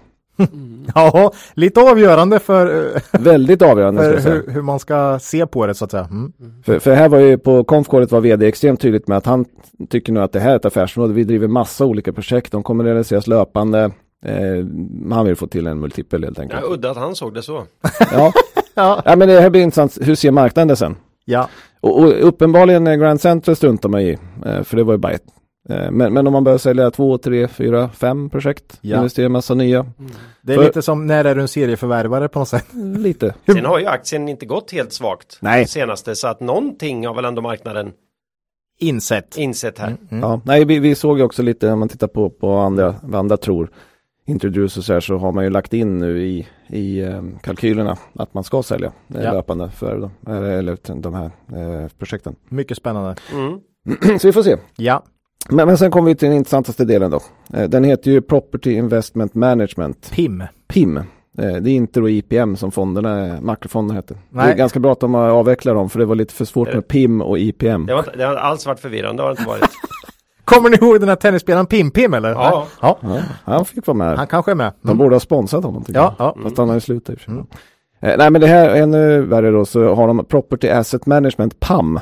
Lig- ligger under det här. Ja, jag- Pam du, i Dallas. du skakar lite på huvudet Claes, men det, det, det, det sitter snart. Mm. Eh, men sen har man de här fastighetsfonderna också. Eh, så det tar sist. Men, men, eh, Pum. Nej. nej, de, Nej. de, de, de har man ingen fräsig benämning på Ja, faktiskt. Ingen trebokstavskortning. Nej, de Finns kanske har den, men jag har inte hittat den. Jag ska ringa Du får upp. hitta på en egen. Ja, jag måste hitta. Pum, pum säger vi. Pum. Eh, Men, men i alla fall då, PAM, eh, som är Property Asset Management, eh, där erbjuder man nya alternativa investeringsmöjligheter och kapitalförvaltning inom fastighetssegmentet med tjänster genom hela värdekedjan. Oj, Det är flashigt då. Ja, nej, men man kan tänka det som en eh, att, att ma- PAM då kan ta ett uppdrag för en institution eller family office eh, där man identifierar fastighetsprojekt, eh, prospekterar, projektleder och sen tar hand om försäljningen. Man gör liksom hela delen frånsett att man inte står för finansieringen. Då. Okej, Och så tar man en mindre fast peng men framförallt en rörlig del om projektet går bra då. just det. Eh, Så det blir ju baktungt där. Ja. Det blir ju nästan lite private equity liknande struktur då. Men man Eh, tar inte så stor, det är investeraren som tar risk mer Ja, då. Och så, skulle jag säga. Ja. Risken är väl att man, eh, om det inte går så bra så får man inte så mycket intäkter. Nej, Liksom. just det. Eh, Men det blir lite private equity för man låser ju upp det i ja, 57 år så lång tid projektet tar då. Mm. Eh, Men det blir ganska kletiga intäkter med en baktunga då. Mm. eftersom det är mycket success fees då. Eh, Så det är rimligt att eh, känna att eh, lönsamheten kommer öka i PAM när liksom de här projekten mognar och eh, Ja. når avslut så att säga. Mm. I Q3 hade man två projekt i, i UK som man avslutade, gav 10 miljoner i rörliga avgifter. Då. Det är ju svårt att prognostisera det här exakt för man, liksom, de ger inte den typen av detaljer kring alla projekten. Nej, Men, men vi tror att det kan ha alltså det har ju varit väldigt gynnsamma förutsättningar för den här typen av fastighetsprojekt. Ja, verkligen. Låga räntor, höga priser, prisökningar och så vidare. Så att jag tycker det är rimligt att tro att det finns en hel del liksom, bra värden i de här Mm. eh, uppdragen. Ja, absolut. Eh, sen eh, 2020 då stod eh, PAM för 44 procent av PIMs intäkter då. Eh, men det boostades av det här projektet i Grand Central då. Eh, I Q3 stod det för 32 procent av intäkterna och det är väl en rimlig uppskattning framåt då. Mm. Så det var en lång beskrivning för att komma fram till det intressantaste. Ja, men eh, mm, Ja. Inte, inte, är det, är det, det här får man ändå säga är liksom en, en, en start på en Catella. Eh, Ja men vi, vi är inte klara. Vi är Nej, inte klara nej. här alls. Nej, det- det- det vet jag. Men Nej, nu kommer vi till fastighetsfonderna. Jag vet. Mm. Eh, och då har man då 20 stycken sådana här öppna specialiserade fastighetsfonder då, inriktade mot bostäder eh, fram, framför allt. Mm. Eh, ganska stor vikt i Tyskland. Eh, kunder är ju då eh, försäkringsbolag, pensionsbolag, eh, liknande, söker säker stabil avkastning på 58 procent. Så det här är inte något för, för de som har snabba klipp så att säga. Nej. Men flera av de här fastighetsfonderna har eh, rankats väldigt bra eh, och eh, bland topp fem på huvudmarknaden i Tyskland och sådär. Så att de har presterat bra eh, under ganska lång tid. Har ju varit en ganska bra marknad i och för sig, för, för, men det har det ju varit för konkurrent, konkurrentfonderna också. Mm. Eh, Även här har man inlåsning eh, ganska mycket, ger kletiga intäkter. De har inte detalj specificerat hur, hur lång inlåsning man har på de olika mandaten. Men, men eh, det är ganska långt. Här, var det bra med mer information tycker jag. Mm. Mm. Man har en peer i Tyskland, Patricia, som, som har mycket bättre information där. Okej. Men man kan ju liksom långa, lång inlåsning och fasta säkra avgifter är ju någonting som, som marknaden brukar uppskatta. Mm. kan ju titta på EQT och liksom hur deras eh, förvaltningsavgifter värderas liksom på börsen. Ja. Men man har då dels fasta eh, förvaltningsavgifter men även rörliga prestationsbaserade då. Eh, hur, eh, hur det går för projekten i, som ligger i, eh, eller hur det går för fonden så att säga. Vilket ju avgörs av hur, hur det presterar de underliggande. Mm. Men sen har man även transaktionsavgifter när man köper och säljer fastigheter. Eh, så att man gynnas av eh, att ha lite omsättning där. Men man har förvaltat kapital, eh, Q3 på 81,6 miljarder. Eh, senaste sex åren har man i snitt växt med eh, 22,75 procent. Det är ganska högt. Rejält. Eh, och man ser ut att hålla det 2021 också. Eh, man hade intäkter på 606 miljoner, eh, hade växt 28,5 procent i snitt de sex åren. Då. Så lite större än ökningen av förvaltat kapital. Så man har lite bättre lönsamhet på kapitalet också. Mm. Det är bra. Så växt med förbättrade marginaler. Ja, det gillar man ju alltid. Eh, och de senaste sex åren har hela då PIM, inklusive PAM då, eh, vuxit 29 procent i snitt. Sen är det lite bättre. Förvaltat kapital 24 procent per år. Stigande marginaler för ebit har vuxit med 44 procent. Sen ska man veta att här har man en viss effekt av den här Grand Central eh, försäljningen då som var, eh, kom in i siffrorna förra året. Men även om man rensar för den så har det gått väldigt starkt då.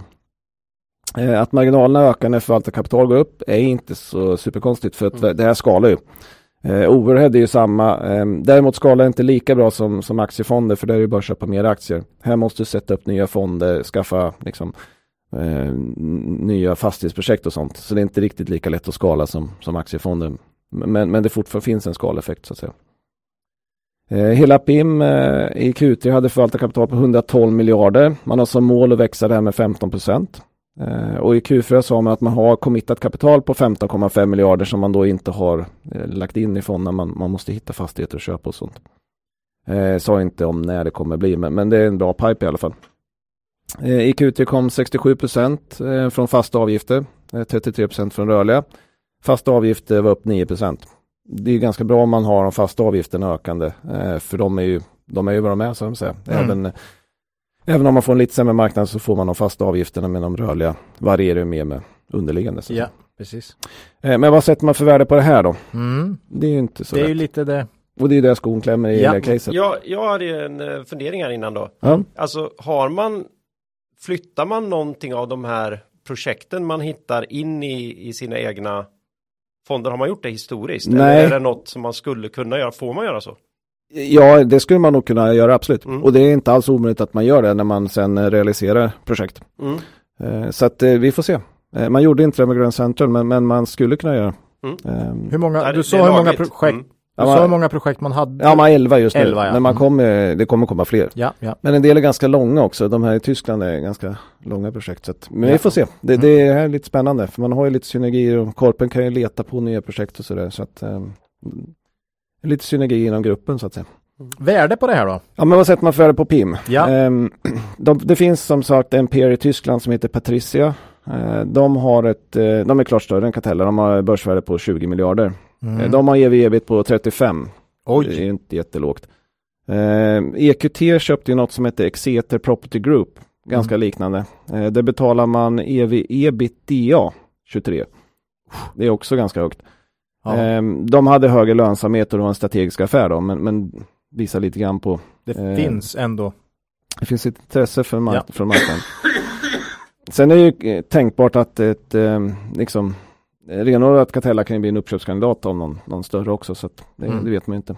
Men, men eh, PIM har ju en del likheter med EQT då. Man, man har ju en fondstruktur, eh, vi- viss inlåsning, kanske inte lika lång som EQT har, fasta och rörliga avgifter. Eh, EQTs värdering är ju, ja, den har den har ju väl sjukt långt. Ja.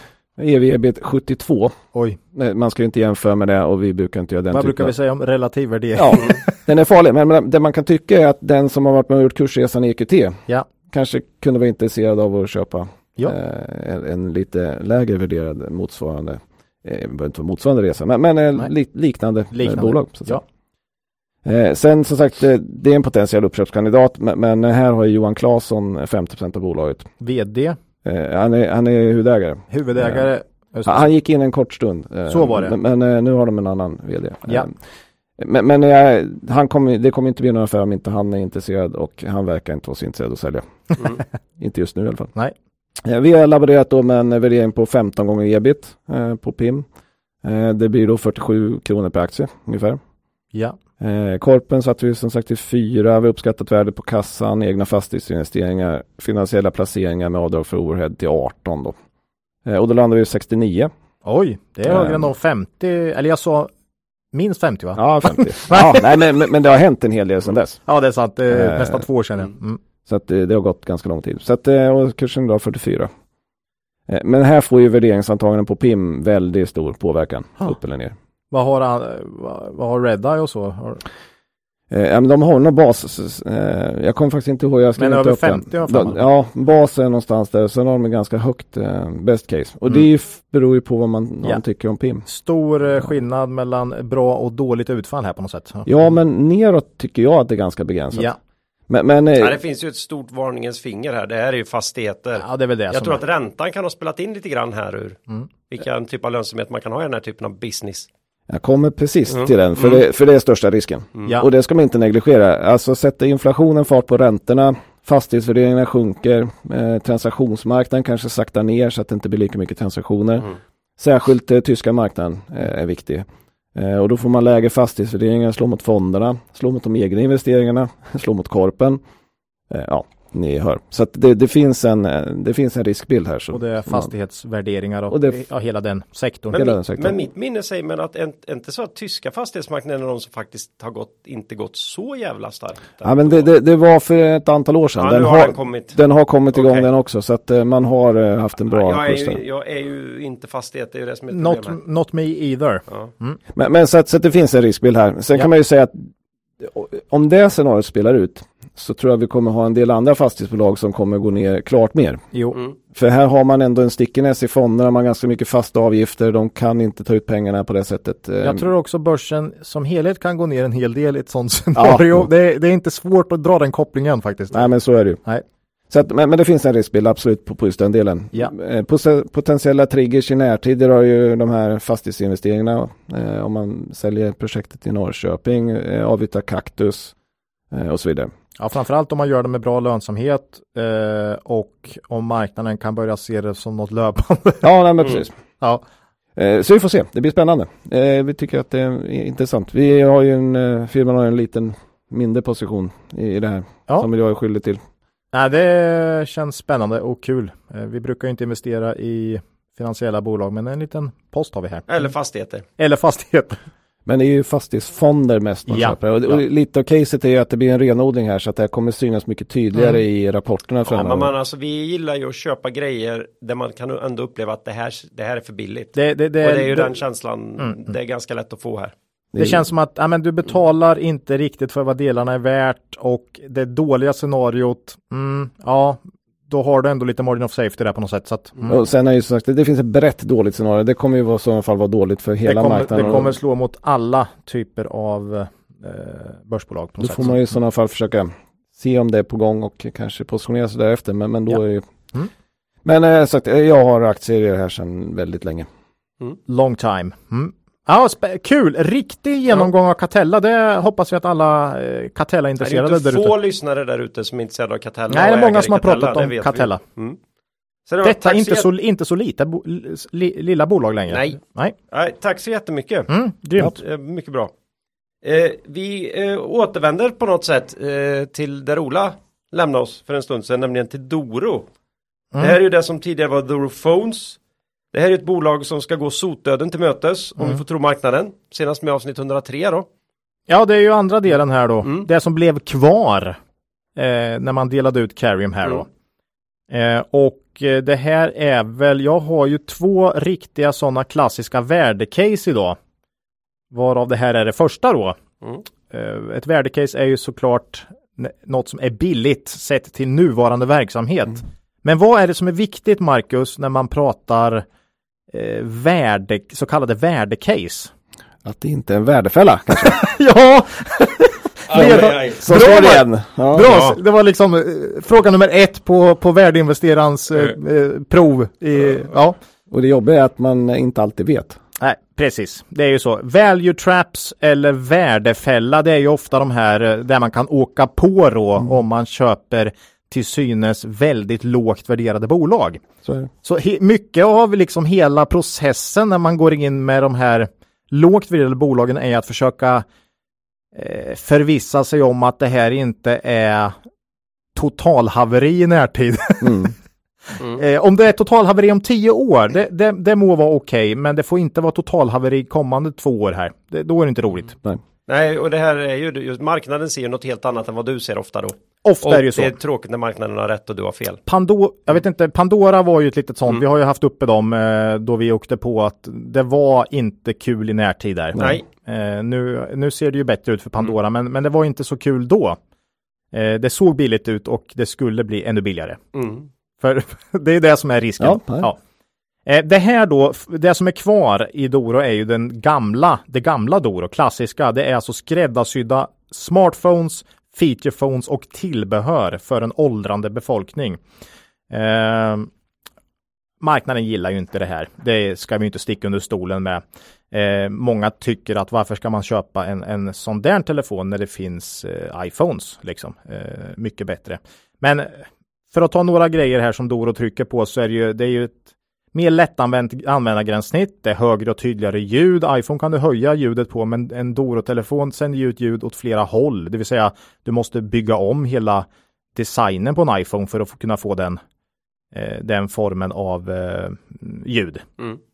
Eh, det är mer lättlästa displayer, det är inbyggd trygghetsknapp på telefonen med GPS-position om man trycker på den.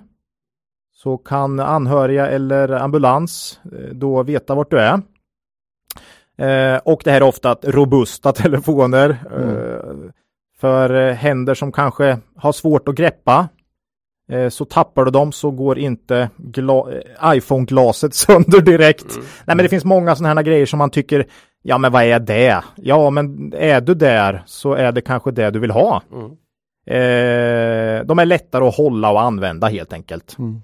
Eh, det finns allt från smartphones som sagt till extremt lättanvända telefoner med bara tre direktnummer du kan slå till dina närma, närmaste då helt enkelt. Eh, Doro har ju länge haft en edge här och har behållit den väldigt starkt över tid så att det finns det finns eh, många där ute som är beredda att betala för de här telefonerna och tycker att det är det som är lämpade och det kanske inte är personen i sig som köper det utan det är ofta kanske en anhörig då Mm. som köper till sin, eh, sin mamma eller pappa då.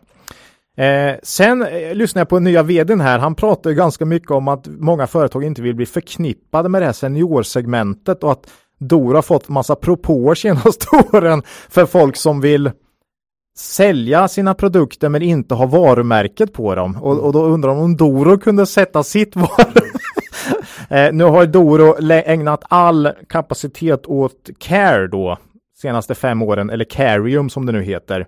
Så man har tackat nej till många av de här sakerna. Men det är lite intressant att eh, kanske Apple och flera andra inte vill bli, de, de vill mer vara i de här hippa eh, segmenten där det finns stor volym då. Eh, men man har, som jag ser det i alla fall, ett starkt varumärke i en nisch här. Och man är marknadsledande i många europeiska länder. Eh, omsättningen har dock minskat senaste åren eh, och, och som jag ser det framförallt på grund av tre faktorer. 1. Man har under senaste året lämnat ett antal marknader där man anser att lönsamheten varit för dålig.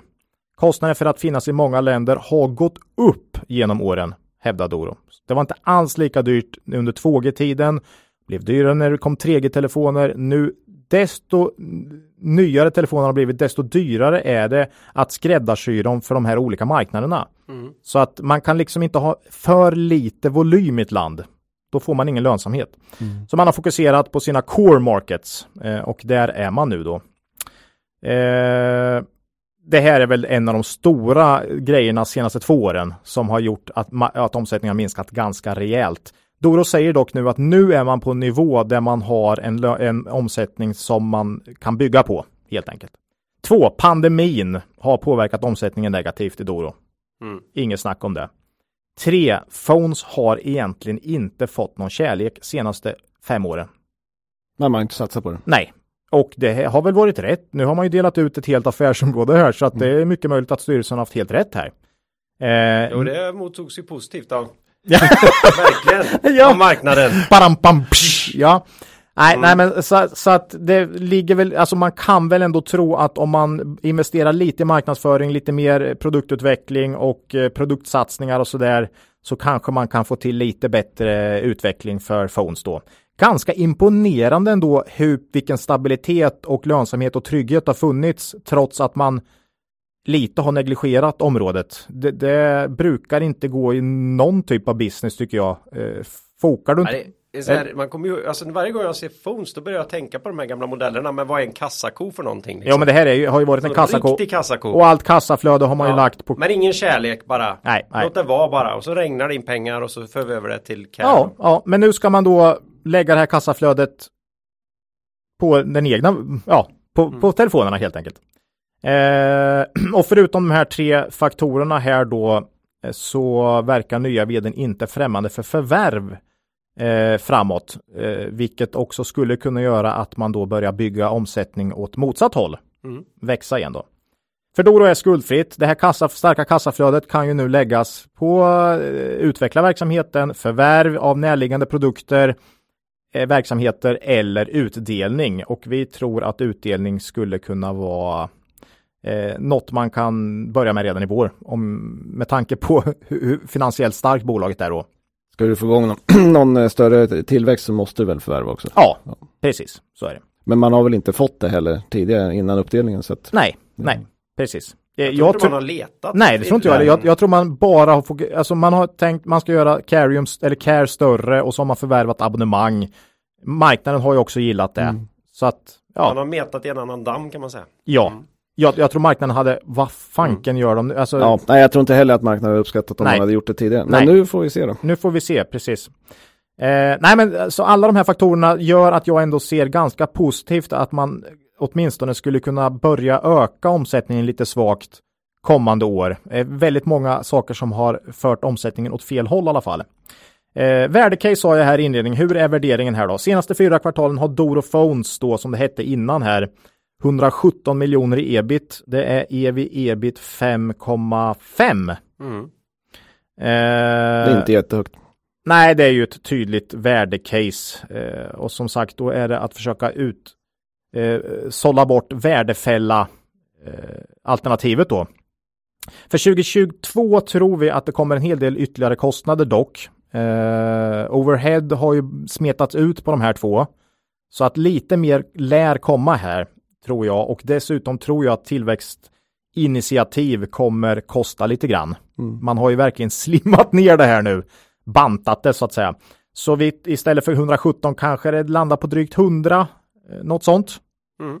För 2022 då är det ebit 6,5 då. Mm. Eh, vi tycker nya vdn verkar bra. Ja, Eh, tycker jag. gjort ett bra intryck så här långt. Eh, nu har han ju inte levererat någon rapport än, men i de intervjuer tycker jag han verkar vettig och bra. Eh, jag, jag vet inte, vi är lite, kanske inte helt ense här, men eh, jag tror i alla fall att marknaden har en för negativ syn på Doro just i dagsläget. Eh, och jag tror att bolaget kommer fortsätta ha ett bra kassaflöde eh, framåt och kunna driva tillväxt. Dels genom viss organisk tillväxt men också genom förvärv och jag hoppas på fina utdelningar. Ehm, och ja, jag tror med andra ord inte riktigt att det här är en värdefälla eh, modell större utan jag tror nog man kan få igen sina pengar och lite mer därtill här. Mm. Det blir spännande att följa. Mycket spännande. Men såklart, ja, precis. Framtiden får utvisa om det här var en värdefälla eller om det var ett så kallat billigt köp då. Eh, det är i alla fall inte höga förväntningar på Doro i, i dagsläget. Det kan man säga. Det kan man säga. Det, det är något som vi kan slå Ja, fast. det är, det, Ja. det är vi eniga om. Och vi även här då har vi köpt mer efter uppdelningen precis som vi har gjort i, i Carium då. Så här äger vi fortfarande aktier. Ja, initialt det blir en eh, sån här vi äger allt. Ja, Vi äger allt avsnitt, men det, det kommer bättra sig. det kommer Det bättra kommer sig. bättra sig, ja. Macke äger dock alltid pensions... Ja, ja, ja. Nej. Så det finns, ja jo, jo, men det är riskfritt så det är inget vi behöver ta upp längre. Ja, det, det är om eh, Doro. Nej, jag gillar ju det här jätte, jättemycket. Ja, det Jag- kan, kan bli riktigt bra Ja, om det inte blir en värdefälla så att säga. ja, det känns som ett billigt Loomis för mig. Billigt. Ja, det är billigare än Loomis och Mm, jag tycker de har bättre förutsättningar än Loomis om jag tittar. Ja, men Loomis, där vet du nästan att de har en marknad som minskar. Det- Den är Mm. Liksom, ja, Du sa ju någonting med att vi har lite olika åsikter. Jag har ju aldrig varit ett fan av telefonerna. nej, vem har varit det egentligen? Men, eh, men det blir väldigt spännande. Ja. Sen är ju värderingen viktig Ja, och den är är ju låg. ja. Eh, Nej, det blir spännande att följa. Vi får se. Ja, Hoppas på case och inte fälla. Nej, precis. och vi vill ju också gärna ha med dem för då kan vi säga Doro satt. Doro satt. Ja. eh, det var Doro. Ja. Vi eh, går vidare. Eh, Lammhults Design Group. Ja. Det här är ju fina inredningslösningar för både kontor, offentliga miljöer och bibliotek. Var ett tag sedan nu. Jag, jag upplever att de inte varit med sedan avsnitt 93. Nej, stämmer Kan säkert. så? Stämmer säkert. Ja, Vi har dock, då, då är det så då. Det här är också ett bolag vi har ägt under lång tid, men eh, Mm. ja, det var länge sedan vi tog upp de här. Ja. Eh, Värdecase nummer två då. Mm. Eh, det här är som, som du sa, möbler och inredning för offentliga miljöer och kontor. Det är viktigt att komma ihåg att det är ingen B2C här, Nej. utan det är B2B då. Eh, Lammhults aktie här och rasade såklart som allt annat i coronaraset 2020 från 65 kronor ner till cirka 30. Idag två år senare står aktien i 38. Den har alltså inte alls återhämtat sig som börsen i stort här. Det var inredarkontor och eh, offentliga miljöer var Det väl var, kanske det, var, inte... det var lite den ja. Det var lite tufft. Men mycket eh, har ju återhämtat sig Ja. ändå och, och man har sagt att ah, fanken, pandemin lägger sig så småningom va. Eh, men här har man liksom inte riktigt trott att, att det ska tillbaks. Eh, så, så det här är lite sådär eh, intressant. Man tappade omsättning med 20% under 2020. Vinsten utraderades dels av omsättningsminskningen men också av rejält med omstruktureringskostnader. Mm. Man bytte vd också vid årsskiftet där så möjligt att förra vd, man, man passade på att städa ut lite där. Mm. Gamla synder. Eh, 2021 nu då har ut, successivt utvecklats åt rätt håll. Men återhämtningen har gått rätt långsamt faktiskt. Eh, min känsla är att Lammuds har underpresterat jämfört med andra konkurrenter Okej. Mm. eh, under pandemin här. Mm. Vet inte varför det är som vanligt om vi, när vi snackade Note och Kitron och Scanfil. Man vet inte om de har lite olika inriktningar, olika kunder. Det kan vara offentlig verksamhet, det kan vara privata, alltså. Mm. Men, men det, min känsla är att Lammuts har sackat lite mot, bransch, eh, mot branschen i stort då. Och frågan här tycker jag man ska ställa sig är om man tror att Lammuts kan komma tillbaka till pre-corona vinster eller inte, för då är det billigt, till och med svinbilligt. Mm. Mm. Börsvärdet är 325 miljoner nu. Eh, år 2019 före pandemin gjorde man ebitda på 115. Det är 2,8 gånger ebitda. Före pandemin. Då ska man komma ihåg att 2019 var väldigt bra för Lammhults. Så det var liksom, det är deras peak, peak earnings. Mm. Eh, sen ska man komma ihåg att bolaget har nettoskuld också. Så ev ebitda, om man inte tar börsvärdet då, är ju på 4 då. På 2019 års vinst. Men det är fortfarande extremt lågt såklart. Har du evigt ebit också? Eh, ja, det har jag. Åtminstone framåt. Jag tror den är uppe på, den var 6,5 ungefär. okej. Mm. Eh, för man har en hel del avskrivningar faktiskt. Eh, ja, som sagt, det här är 2019 års nivåer. det, det är framåt som är det viktiga här va. Ja.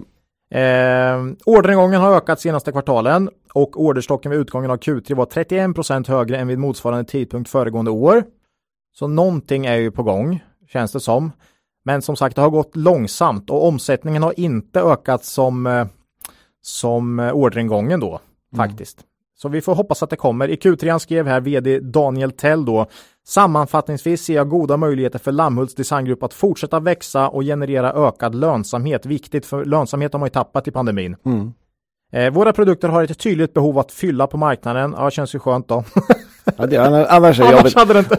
Säkert om vd hade sagt något annat. Ja, nej. Det är en attraktiv portfölj med starka och etablerade varumärken ger oss goda förutsättningar att bibehålla och vinna nya marknadsandelar. Eh, ja, nej, men jag måste tro på någon form av återhämtning för Lammhults under 2022 här. Eh, något annat känns bara konstigt. Eh, för 2021 är ju typ bara flat eh, omsättningsmässigt jämfört med svaga 2020. Så att nej, jag gissar på 10% tillväxt under 2022. Då landar omsättningen på cirka 900 miljoner. Det är ju en bra bit från 2019. Mm. Men ändå, det är ett steg i rätt riktning. Man bör kunna öka lönsamheten om omsättningen stiger. Säg 6% ebit-marginal, det är lägre än 2018-2019 då de låg på 7 ungefär. Men ja, jag tror på tillväxt eh, 2022. Materialbrist är väl det eh, och transport som skulle kunna spöka även för Lammhults här. Men här säger man att man kompenserat för eh, transportkostnader etc. åtminstone i form av eh, prishöjningar redan.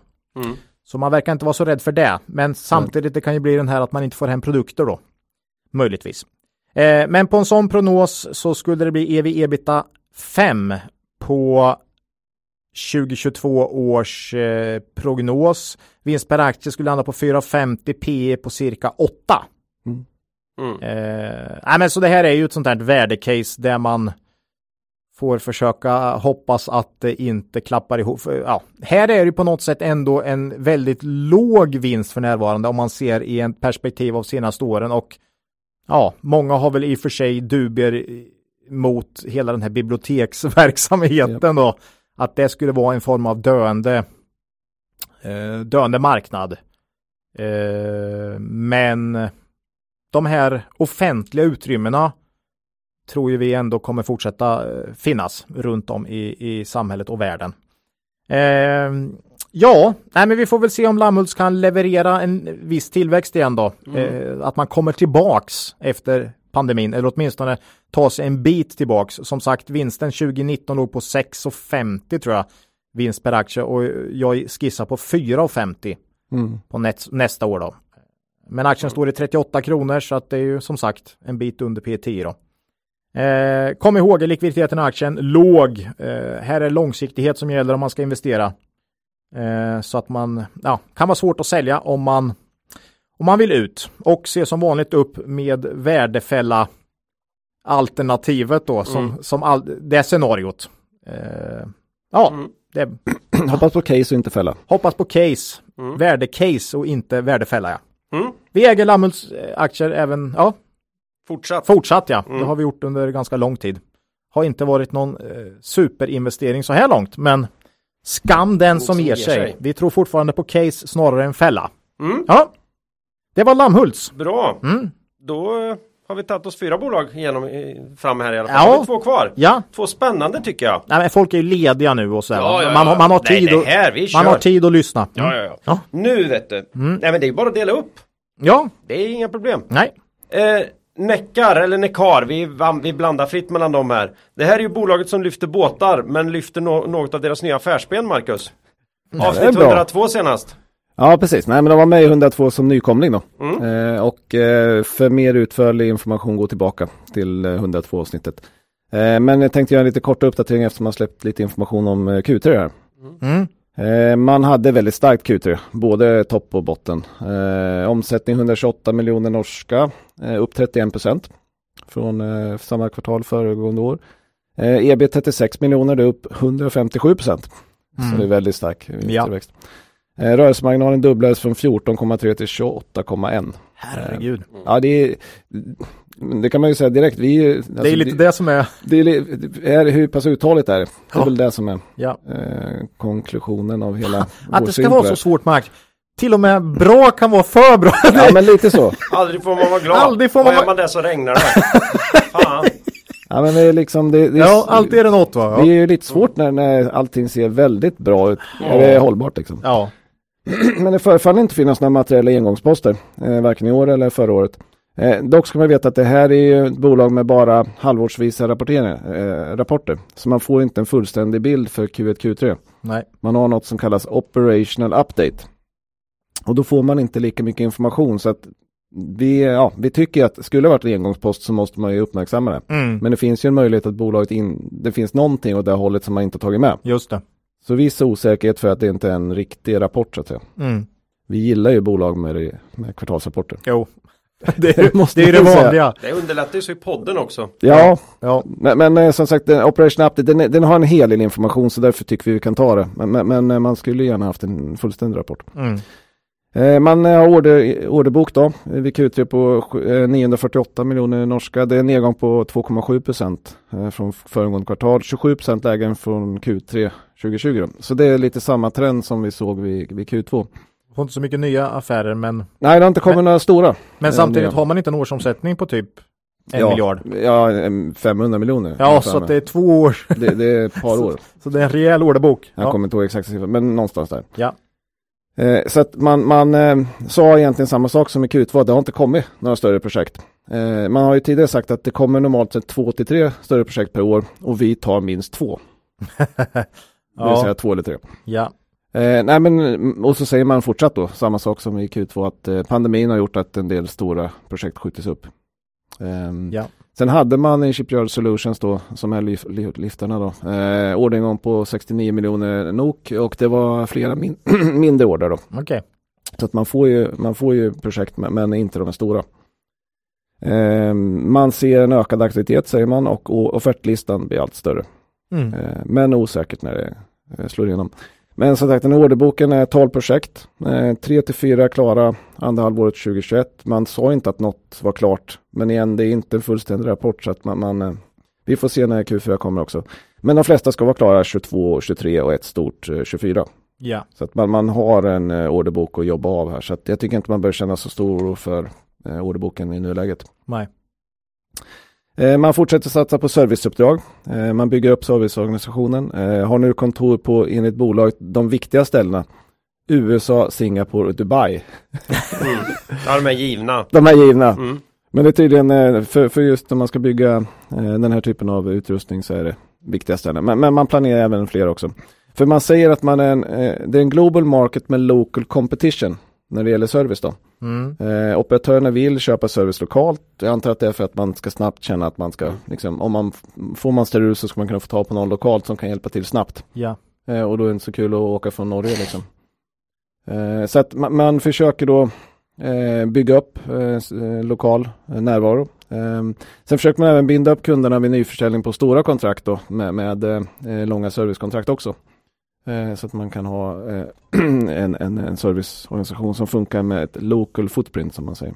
Men hur var det med service här? Det är ju alltid bra tycker vi, men här var det faktiskt lägre lönsamhet på service. Ja, och, det är också Man, man tjänar så bra på... Man har så hög marginal på, på nyförsäljningsprojekten Ja. så att man, man sa att man ska inte förvänta sig ökade marginaler när serviceandelen växer då. Nej.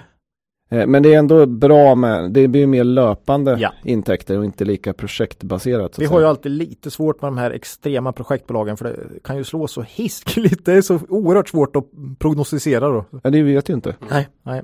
Så, att, eh, så, så vi tycker ändå bra om servicedelen Ja. växer. Eh, och eh, han fick eh, på konfkålet frågan om hur stor är potentiella marknaden för, för service då.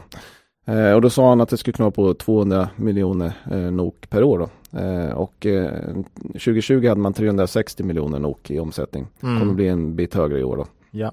Eh, med en hel del upp. Så att, men det är en viktig fråga att följa eh, hur det går med servicedelen. Eh, sen eh, som sagt man bryter inte ner utvecklingen på, eh, på alla affärsområden i de här eh, uppdateringarna som man får Q1 Q3. Eh, men det mesta av eh, omsättningen är ju från, från Shipyard Solutions. Ja, man tittar övergripande.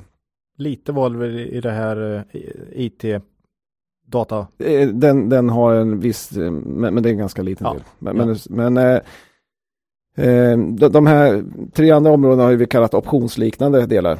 Är det något av dem som rör sig mot att bli något? Ja, det rör sig åt rätt håll. Ja. Men, men det tar ju ett tag, Mm. skulle jag säga, innan de slår in. Men vi kan börja med IntelliLift då, som är den här mjukvarudelen då. Mjukvaror. Mm. Mest intressanta var väl att man ingått ett sånt där joint venture med Transocean. Det är ett eh, stort amerik- amerikanskt bolag specialiserat på oljeborrning. Mhm. Där fick man 33% och Transocean fick 67% då. Kallar man IntelliWell. Oljeborrning där då. Ja, snyggt. De är lite finurliga med namnen måste jag ändå säga. Ja, det är de. Skywalker de här. Skywalker. Eh, Man ska automatisera borrningsprocesser då och ge en effektivare och säkrare borrning då. Och här tycker marknaden, eller mm, bolaget tycker att det är en stor potentiell marknad för det här. Så Ja. det får man följa framöver. Eh, Starfish, och det är de här eh, fiskburarna. Eh, Laxodlings... laxodling. Mm.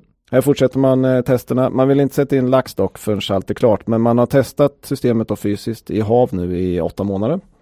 I mindre skala då. Mm. Eh, man har också nu testat, testat eh, cirkulationsutrustningen. Och det funkar som det ska. Häftigt. Eh, man planerar för fullt, eh, testa fullstor eh, size Starfish då i, eh, i, i nästa år här. Mm. Eh, hit som har kört 1 till 2,5 i skala då. Eh, men man tror också att det är realistiskt att man ska få intäkter 2022. Men det lär vara på sluttampen. Men, men det går framåt. Mm. Mm.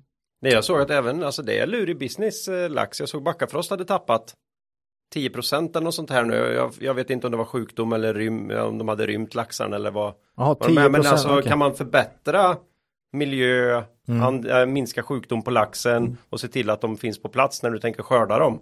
Det är Mm. mycket pengar i det här alltså. Det är en potentiellt väldigt intressant produkt. Jo, och, det, och den är ju tvådelad som jag sa. Det är dels den att man själv inser att vi måste göra något åt det. Men sen har man myndighetskraven då som har ökat. Mm. Eh, det pratade vi om i förra podden, man kan gå tillbaka och lyssna. Eh, och vi tror ju att när liksom myndighetskrav, när när man måste köpa en produkt för att uppfylla myndighetskrav så, så, så har man ju inte så mycket val. Känns Och här kan det ju säkert bli konkurrens och det gör absolut ingenting för det är det bästa som kan hända för då är plötsligt blir det ju givet att ja, det här är något man ska ha. Mm. Så det gör inget. Det blir jättebra och har man då tur så är så är Neckars lösning riktigt konkurrenskraftig redan från början här då. Det, det är lite, det här är liksom, det är ganska olika verksamheter. Ja, Ja, ja, ja. Så att det känns som, knoppa av de här så småningom är inte otroligt, eller sälja då. möjligtvis. ja när, precis- när, när de börjar få lite intäkter är det inte omöjligt. Nej. Skulle man kunna. Mm. Ja. Så att den här den går framåt men, men det är fortfarande en option i Ja. vår värld. Nej, Ja. för idag är det väl inga, det är väl inga bolag som bara plockar ihop en massa olika verksamheter har under ett paraply. Nej. Det, är ju, Nej, det gjorde man ju förr som Ja. skit. Nej, Idag, man köp- idag renodlar man ju och håller på med det man kan. Eh, Det, skillnaden här är väl att de har startat eh, från scratch på något sätt då. ja. Eh, Men det var väl, var det idag som, det var någon tidning som hade en ganska intressant artikel just kring det här med att man pratar ju nu uppdelning av ABB. Man måste dela upp det, det är alldeles för spretigt. Eh, och samtidigt har vi en massa mindre bolag som köper precis vad som helst. ja, det Ja. är så jävla sjukt. Ja, herregud. Och får jättehöga värderingar medan ABB inte har någon jättehög värdering och där säger man det måste delas upp för det det så-. Du såg ju det gick för Dora här. Man ska addera. Det, Ja, det, alltså different standards alltså. Different standards. Det finns ingen logik där ute på marknaden. Det var vad, du, vad vi kallar effek, effektiva marknadsteorin eller? Ja, den får Ja. sig törna varje dag tycker jag. Ja. så är det. Eh, ja, men hoppar man in i Skywalker då. Skywalker. Ja. B- bästa namnet. Det är, Det är det vi- vindkraftverk eller? Ja, Det exakt. här vi vill ska lyckas. Ja, men den här är ju väldigt eh, långt ifrån då, ska man säga. Den är längre ifrån än alla de andra. Eh, här eh, undersöker man hur man ska kunna kommersialisera, kommersialisera det här då. Eh, man pratar med olika parter i marknaden för att se hur man kan göra det här bäst. Man har en modell 1-20 då, som är väldigt liten, Mm. som är färdigställd och testas i eh, Q1 2022. Eh, sen har man en konceptdesign klar för en full version då, men det är nu inne i 2023. Ja, Liksom. okej. Eh, Så att det, det är långt bit kvar till kommersiella intäkter och man vet ju inte om det kommer funka så bra. Men eh, ja, det är en kul option. Men de kanske är något på spåren för det verkar ju som att på många ställen börjar det bli ganska tufft att bygga vindkraft. Förälskelsens tid är ju förbi kraftigt kan man säga så kanske skala 1 till 20 är det man kan få, kan få till här. På ja, jag tror inte tyvärr de producerar så mycket om man bygger dem i den skalan. Men eh, Man får stå och blåsa själv. Ja, Man, Men slip, man slipper ju se dem så Ja, tydligt det i och för sig bo- bo- bordsvariant. Ja, Ja, nej, det kanske kan bli någonting. Ny nisch. Ja, nej men det här är långt ifrån, men det här är ju bara en option som vi ser det. Eh, så, så att, ja, nej men nuläget då. Eh, intressant bolag. Omsättningen eh, känns ganska säker, men de har stor orderbok. Eh, beläggning flera år framåt. Det är ju väldigt höga fraktrater fortfarande. Eh, och det här borde ju vara positivt på sikt, för jag menar redarna som är kunder till deras kunder, det vill säga till varven. Mm. Eh, De måste ju nu rimligtvis vilja underhålla fartygsflottan på bästa sätt framöver i och med att man har sett hur fantastiskt mycket pengar man kan tjäna Mm. eh, inom frakt. Eh, och man har fått upp liksom balansräkningar och så vidare. Ja, precis. De har pengar att, att Att spendera. spendera. Samtidigt som, som vi var lite inne på tror jag förra gången att det kan ju vara så att det har varit så fruktansvärt hås just nu så nu vill ingen underhålla precis just nu i alla Nej, fall. man säger att nej, vi får vänta tills det har lugnat ner sig lite. Nu måste vi. sen, sen tyvärr finns det en annan demografisk, eh, eller inte demografisk, en, en annan, eh, vad heter det? Ja, händelse som spelar ut sig i världen här, för eh, en hel del av de här liftarna går ju till att lyfta militärfartyg.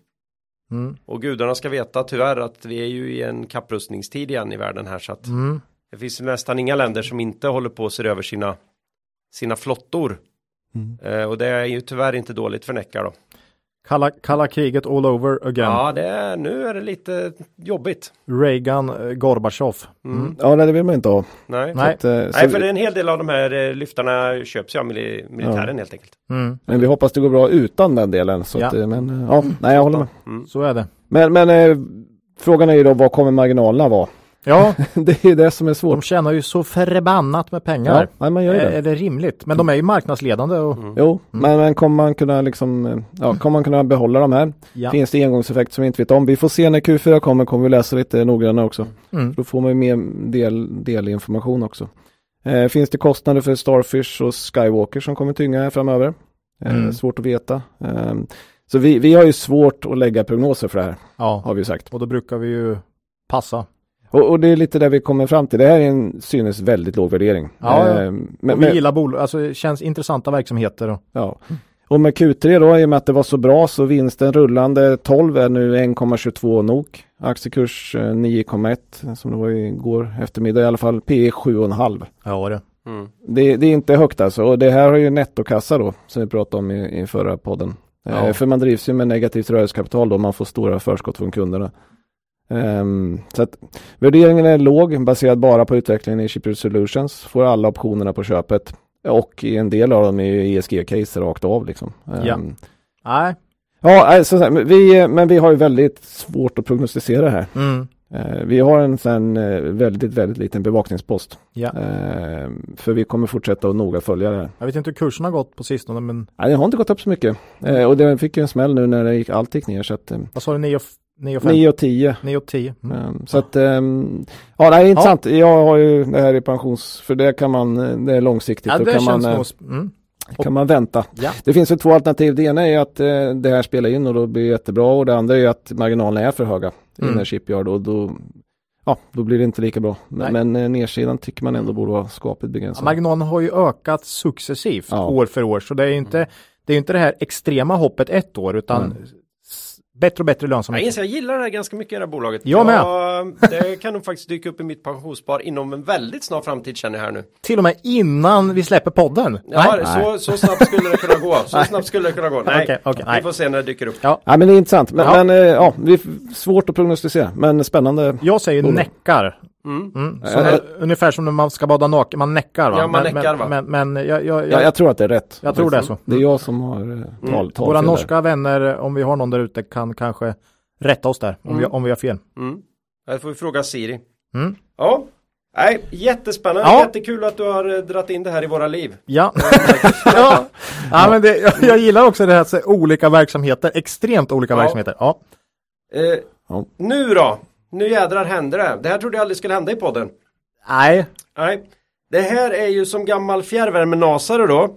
Så har jag ju alltid tittat. har jag alltid du, tittat ungdomarna vet inte då. vad nas Ja, eh, ja alla Försäljare. är inte ungdomar. Fjärrvärmeförsäljare. Nej. Ja, Mm. men alltså jag är ändå full av förundran över ett av de här finaste bolagen på Stockholmsbörsen, nämligen Nibe från Markaryd då.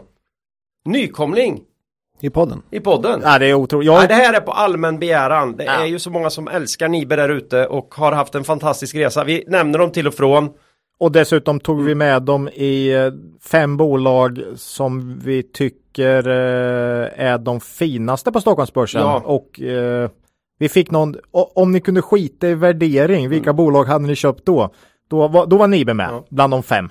Och, och Macke har alltid hållit det här bolaget nära hjärtat. Så du kände att man. eh, det här kan jag berätta lite om. Ja, Ja, Mm. nej men jag, jag, jag kollade också i registret och insåg att de aldrig varit med och tänkte Mm. så kan vi inte ha det. nej det är sant. Nej. Eh, för det här är ett av de absolut bästa bolagen. Ja. Eh, problemet är ju sen att alla tycker så och värderingen är därefter. Men vi sparar det till slutet. Va- Du kanske kommer med det, men vill man eh, veta hur en bolagsutveckling ska se ut på börsdata, Ja.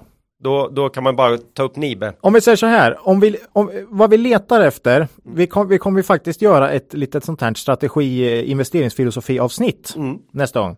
Vad vi letar efter för grafer, det är Nibes grafer på vad gäller omsättning och resultat. Det är vad vi letar Fast ett efter. jättelågt pris samtidigt. Till ett lågt pris. Ja, Ja, Det är ja. därför det blir lite svårt. det är Ja, därför. Ja, ja. precis. Shoot Marcus, Ja, shoot. nej, men eh, Nibe har haft en enormt fin utveckling över tid. Eh, omsättning 11,4 procent i snitt eh, de senaste 10 åren. Vinsten 15,4, så ännu bättre. Mm. Eh, enligt bolagets IR-sida då har man haft en omsättningstillväxt på 17 procent i snitt sedan 97. Ja. Med mycket stabil lönsamhet. Eh, så lång data har ju varken vi eller börsdata. Så Nej. jag kunde inte jag tror vi verifiera. kan lita på dem. Ja, det, det, men det är extremt imponerande. Ja. Mm. Och väldigt, jag vet, få plump, alltså svaga år. Väldigt stabila marginaler. Oerhört och- stabilt. Ja. Ja, men deras huvudprodukt är ju då eh, värmepumpar. Jag har en Eh, sån hemma. Ja, precis. Ligger inom eh, område, affärsområdet Climate Solutions. Eh, står för 64% av omsättningen, 72% av vinsten eh, första nio månaderna. Mm. Det är en produkt som ligger helt rätt i tiden. Eh, man säger själva att omställningen mot ett fossilfritt samhälle är mycket gynnsam för värmepumpar. Eh, bolaget eh, säger också att regeringar i många länder genomför åtgärder där man ju dels fasar ut eh, fossila alternativ men också fattar beslut som gynnar Nibes lösningar, det vill säga olika typer av subventioner. Eh, Man säger att exempelvis på den nordamerikanska marknaden så har man betydande skattereduktioner för privatpersoner som installerar berg och markvärmepumpar. Och det här gynnar ju branschen i stort och såklart Nibe också. Då. Ehm, och jag, jag tror ju att liksom kombinationen av att man som villägare kan liksom tjäna pengar, eh, spara pengar, eh, men även göra en åtgärd som är bra för miljön. Det är ju en väldigt kraftfull kombination Mm. för Nibe, både liksom nu och på sikt. Och det är det man har sett Mm. i utvecklingen då så att säga. Ju, dessutom, Nibe har ju också en ständig produktutveckling. Jag vet ju hur är ganska stor skillnad, eller det är en skillnad, tydlig skillnad på den jag hade innan och den jag bytte till nu Mm. i prestanda då. Mm. Förbrukning och så. Så att man får ju lite bättre verkningsgrad hela tiden på något sätt. Eh, och de kom ju med Q3-rapport då 17 december, eh, 17 november. Mm. Eh, omsättningen ökar 14% vinsten 16 Mm. Ja, Ja. eh, lite bättre till och med än det historiska men ganska nära. Kvali kvalitet. Mm. Eh, hela perioden, första nio månader så ökar man med 15,3 procent. Rörelsemarginalen gick från 12,1 till 14,7 eh, och det är en historiskt sett hög marginal. Så här har man ökat på, vet man ju inte hur pass, eh, ja, hur pass eh, långsiktigt hållbart den högre marginalnivån är, men vi får se. Man lär ju, känns som ett bolag som kan styra sina priser.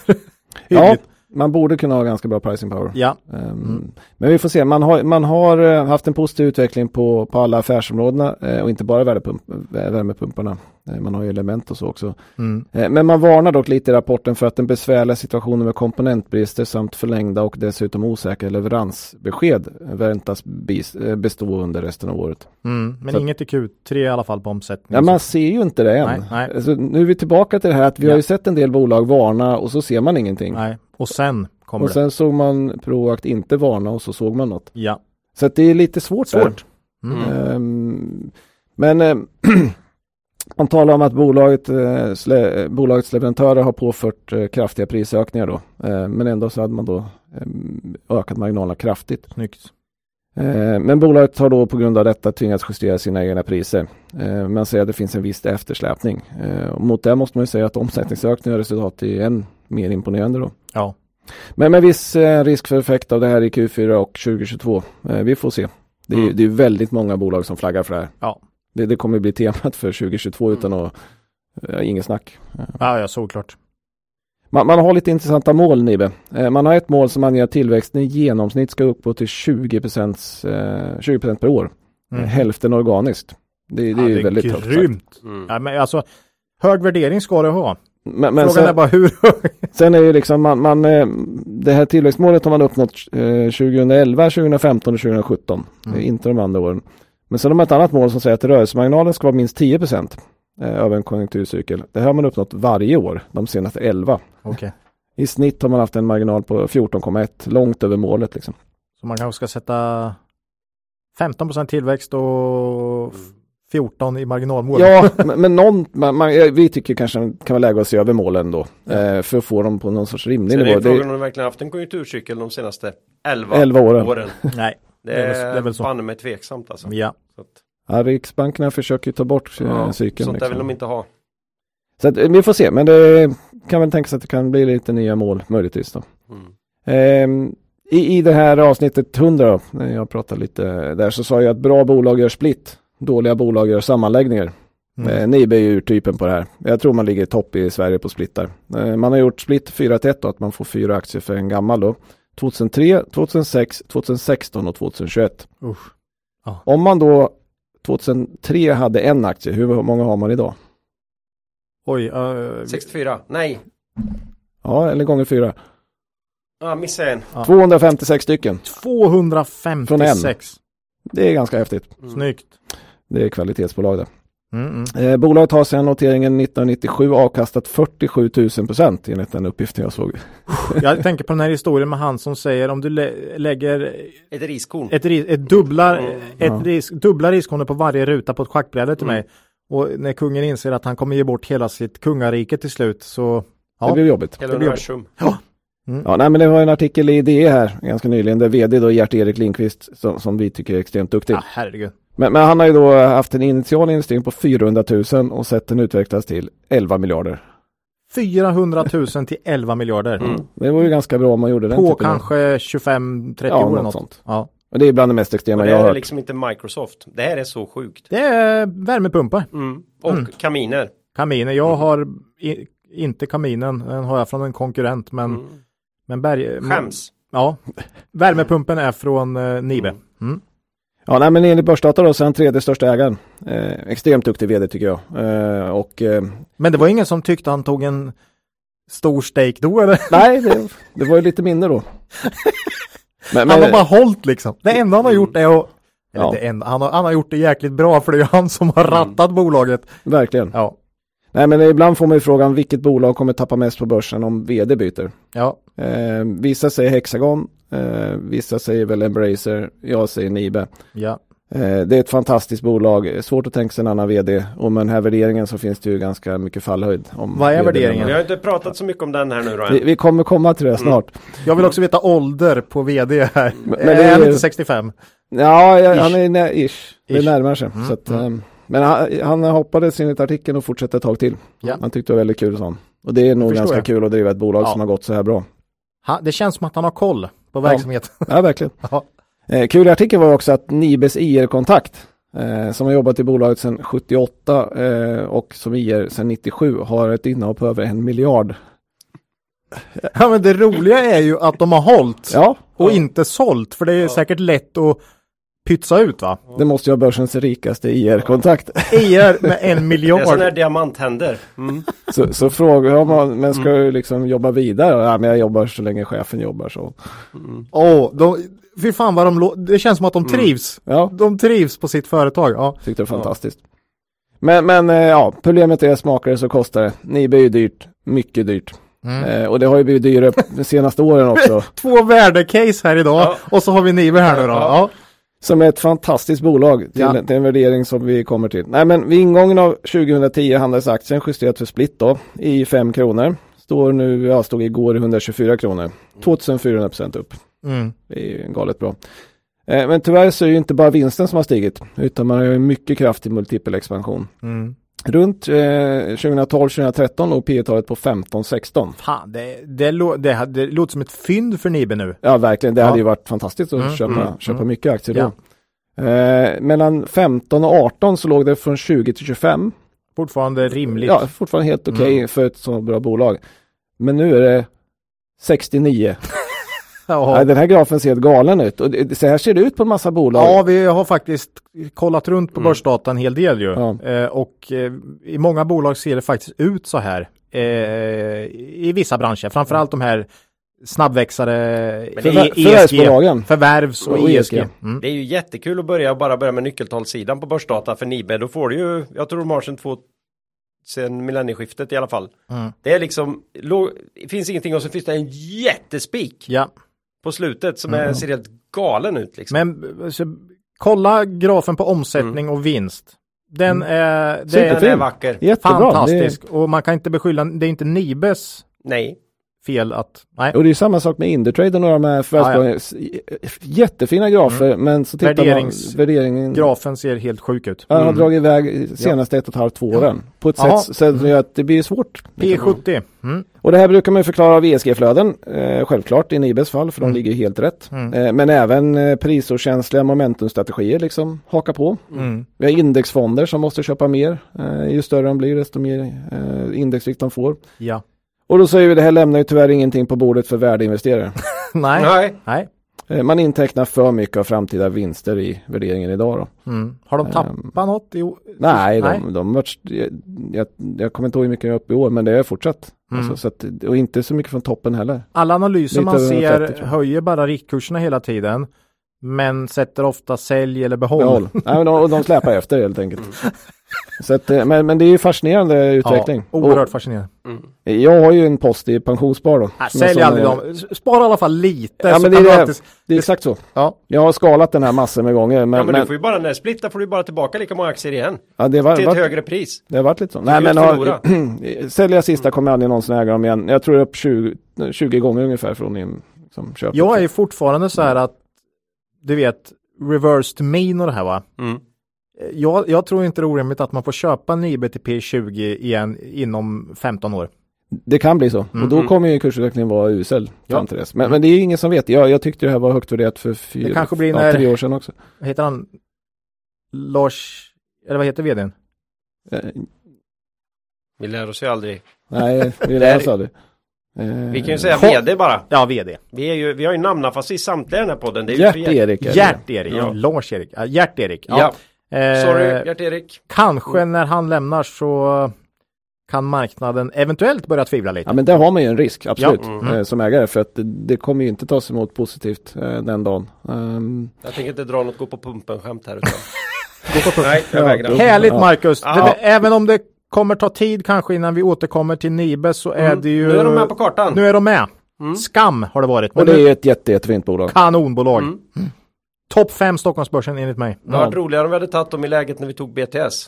Ja, och de, de, de hade faktiskt säkert kunnat kommit med i första buy and hold. Jag tror inte det var långt bort heller. Nej, det kan inte vara så. Eh, 2017 var det inte helt orimligt, alltså absolut Nej. inte. Så att, Ah, det var ju synd då. synd, Det var synd. roligt. Ja, ja, så är det. Ja. Gråt inte över spilld mjölk har vi sagt Nej, idag. men så är det Nej, faktiskt. och det ska vi inte göra här heller. Det Nej. ger ingenting. Nej. Nej, nej. Vet ni vad? Nej. Vi närmar oss slutet för det här poddavsnittet. Mm, Är det så? Redan? Redan? Mm, för nästa avsnitt är 108. Som kommer komma ut den 6 januari. Mm. Och eh, som vi kommer spela in här om bara några timmar. Mm. Det här är ett specialavsnitt med repetition av vår filosofi och strategi faktiskt. I en nyinspelning då. Vi har pratat om de här grejerna förr, men då har inte Marcus varit med. Eh, förhoppningsvis aningen bättre ljud än vi haft i något av de avsnitterna. Men eh, minus min influencerröst då förstås. Ja. Som ska bli kul att sätta i ett sånt här avsnitt som man ska hänvisa till i framtiden. Ja, man kan mejla oss på kontaktet kvalitetsaktiepodden.se. Man kan kommentera oss på Twitter. Eller man kan eh, gå in på vår hemsida kvalitetsaktiepodden.se. Och då brukar jag alltid fråga så här, eh, grabbar, någon riktig makro eller TA? Värd att ta upp idag?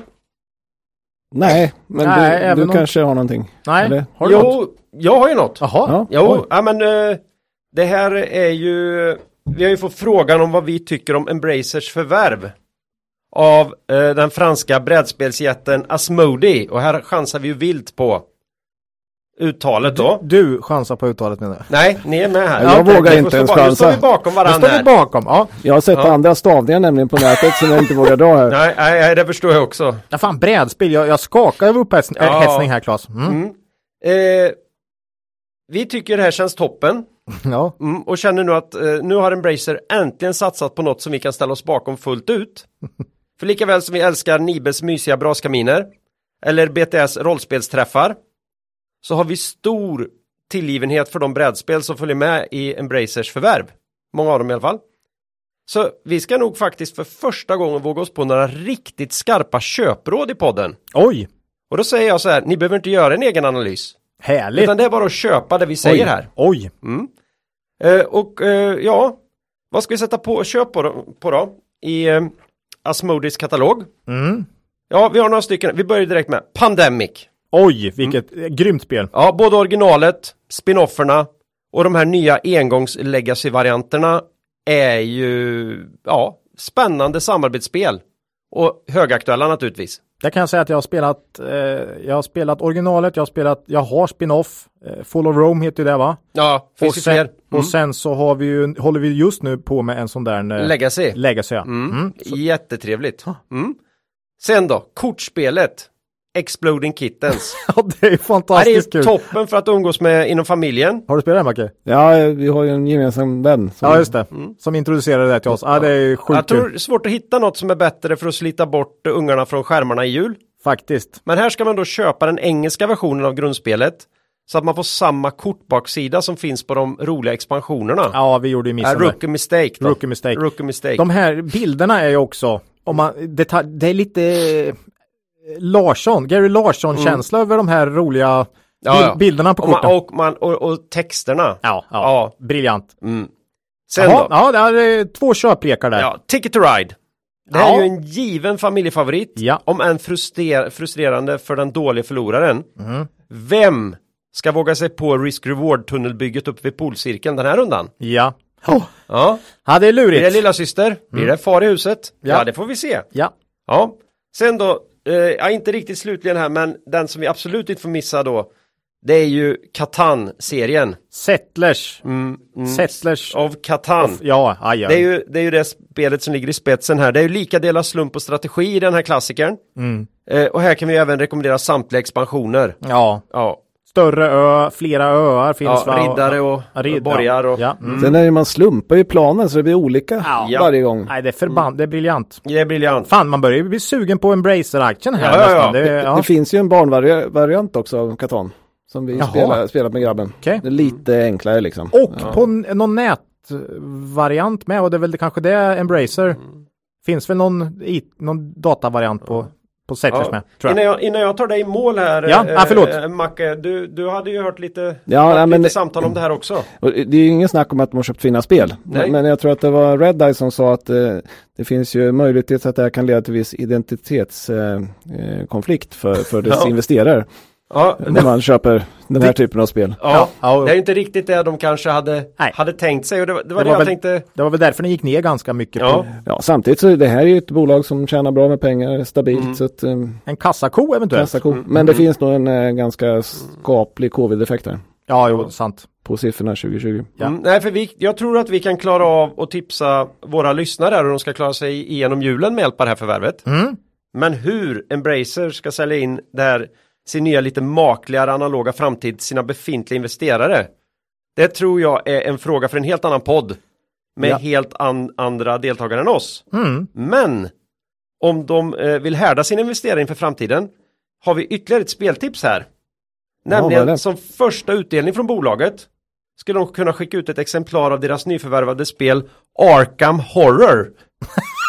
ja. Dels för att ge investerarna lite perspektiv på tillvaron Ja. och dels för att bestycka dem med spelkortet Say your prayers. Oj, Lycka till säger vi till Embracer. Vi ses över spelbrädet under julhelgen. Härligt. Så Kul! var det med det. Ja, Mm. Eh, man får lite vad man frågar efter ja, i den här, i den här i podden. den här podden. Ja. Eh, Bräd, e- brädspelspodden. eget ägande är, ja vi äger väl typ allt Oj! vi har pratat om här idag vi- uppenbarligen. Vi pratade Kitron och Ja. Scanfil i början va? Ja, Proact. ja, Eh, och sen så hade vi ju Carium. Vi hade Catella. ja, Vi hade Doro. Ja. Vi hade Lammhults. jajamän. liten post i Neckar. Och liten post i Neckar. Men i Nibe var det bara jag som hade. Ja. I pensionssparet. ja. Nej, det var det sjukaste. Ja, Men så är det. Så är det ibland. Ja. Lite eh. uppsamlingshit. Sista avsnittet på året här. Kan man säga. vi, vi hade ju tyvärr inte Note. Nej, inte Note. Vi, vi har Tyvärr. det som har gått, vi har, vi, vi har inte det som har gått bäst. Nej. Nej, Det, det, det är de vi har minst i. ja, Men så är det ibland. så är det. Ja, ja eh, innan vi skiljs åt här nu då så vill vi bara påminna om att julen det är mer än bara glögg, julklappar och Bingolottos uppesittarkväll. Mm. KAP har som vanligt givit en julgåva till Läkare Utan Gränser för deras oförtrutna strävan i att hjälpa de svaga och skänka hopp även i de mörkaste hörn av vår ojämlika värld. Och som lyssnare till podden är man ju alltså med och stöttar det här. Mm. Mm. Eh, deras fantastiska arbete eh, tillsammans med våra sponsorer. Eh, glöm inte heller att själv skänka en extra slant till något välgörande som ni brinner för i jul. Eh, det kommer i alla fall vi tre att göra. Ja, Ja. Och med det här vill vi tacka våra lyssnare för ännu ett härligt år eh, med podden Mm. och önska dem en riktigt god jul. Och ett gott nytt år. ja, gott nytt. Ja. Och när man då, de till slut sätter sig ner här, som vi alla gör naturligtvis, under julledigheten och sammanställer sitt investeringsår. Så behöver de komma ihåg att Det är först när tidvattnet drar sig tillbaka som du får se vem som badat naken. Lose money for the firm and I will be understanding. Lose a shred of reputation for the firm and I will be ruthless. I welcome your questions.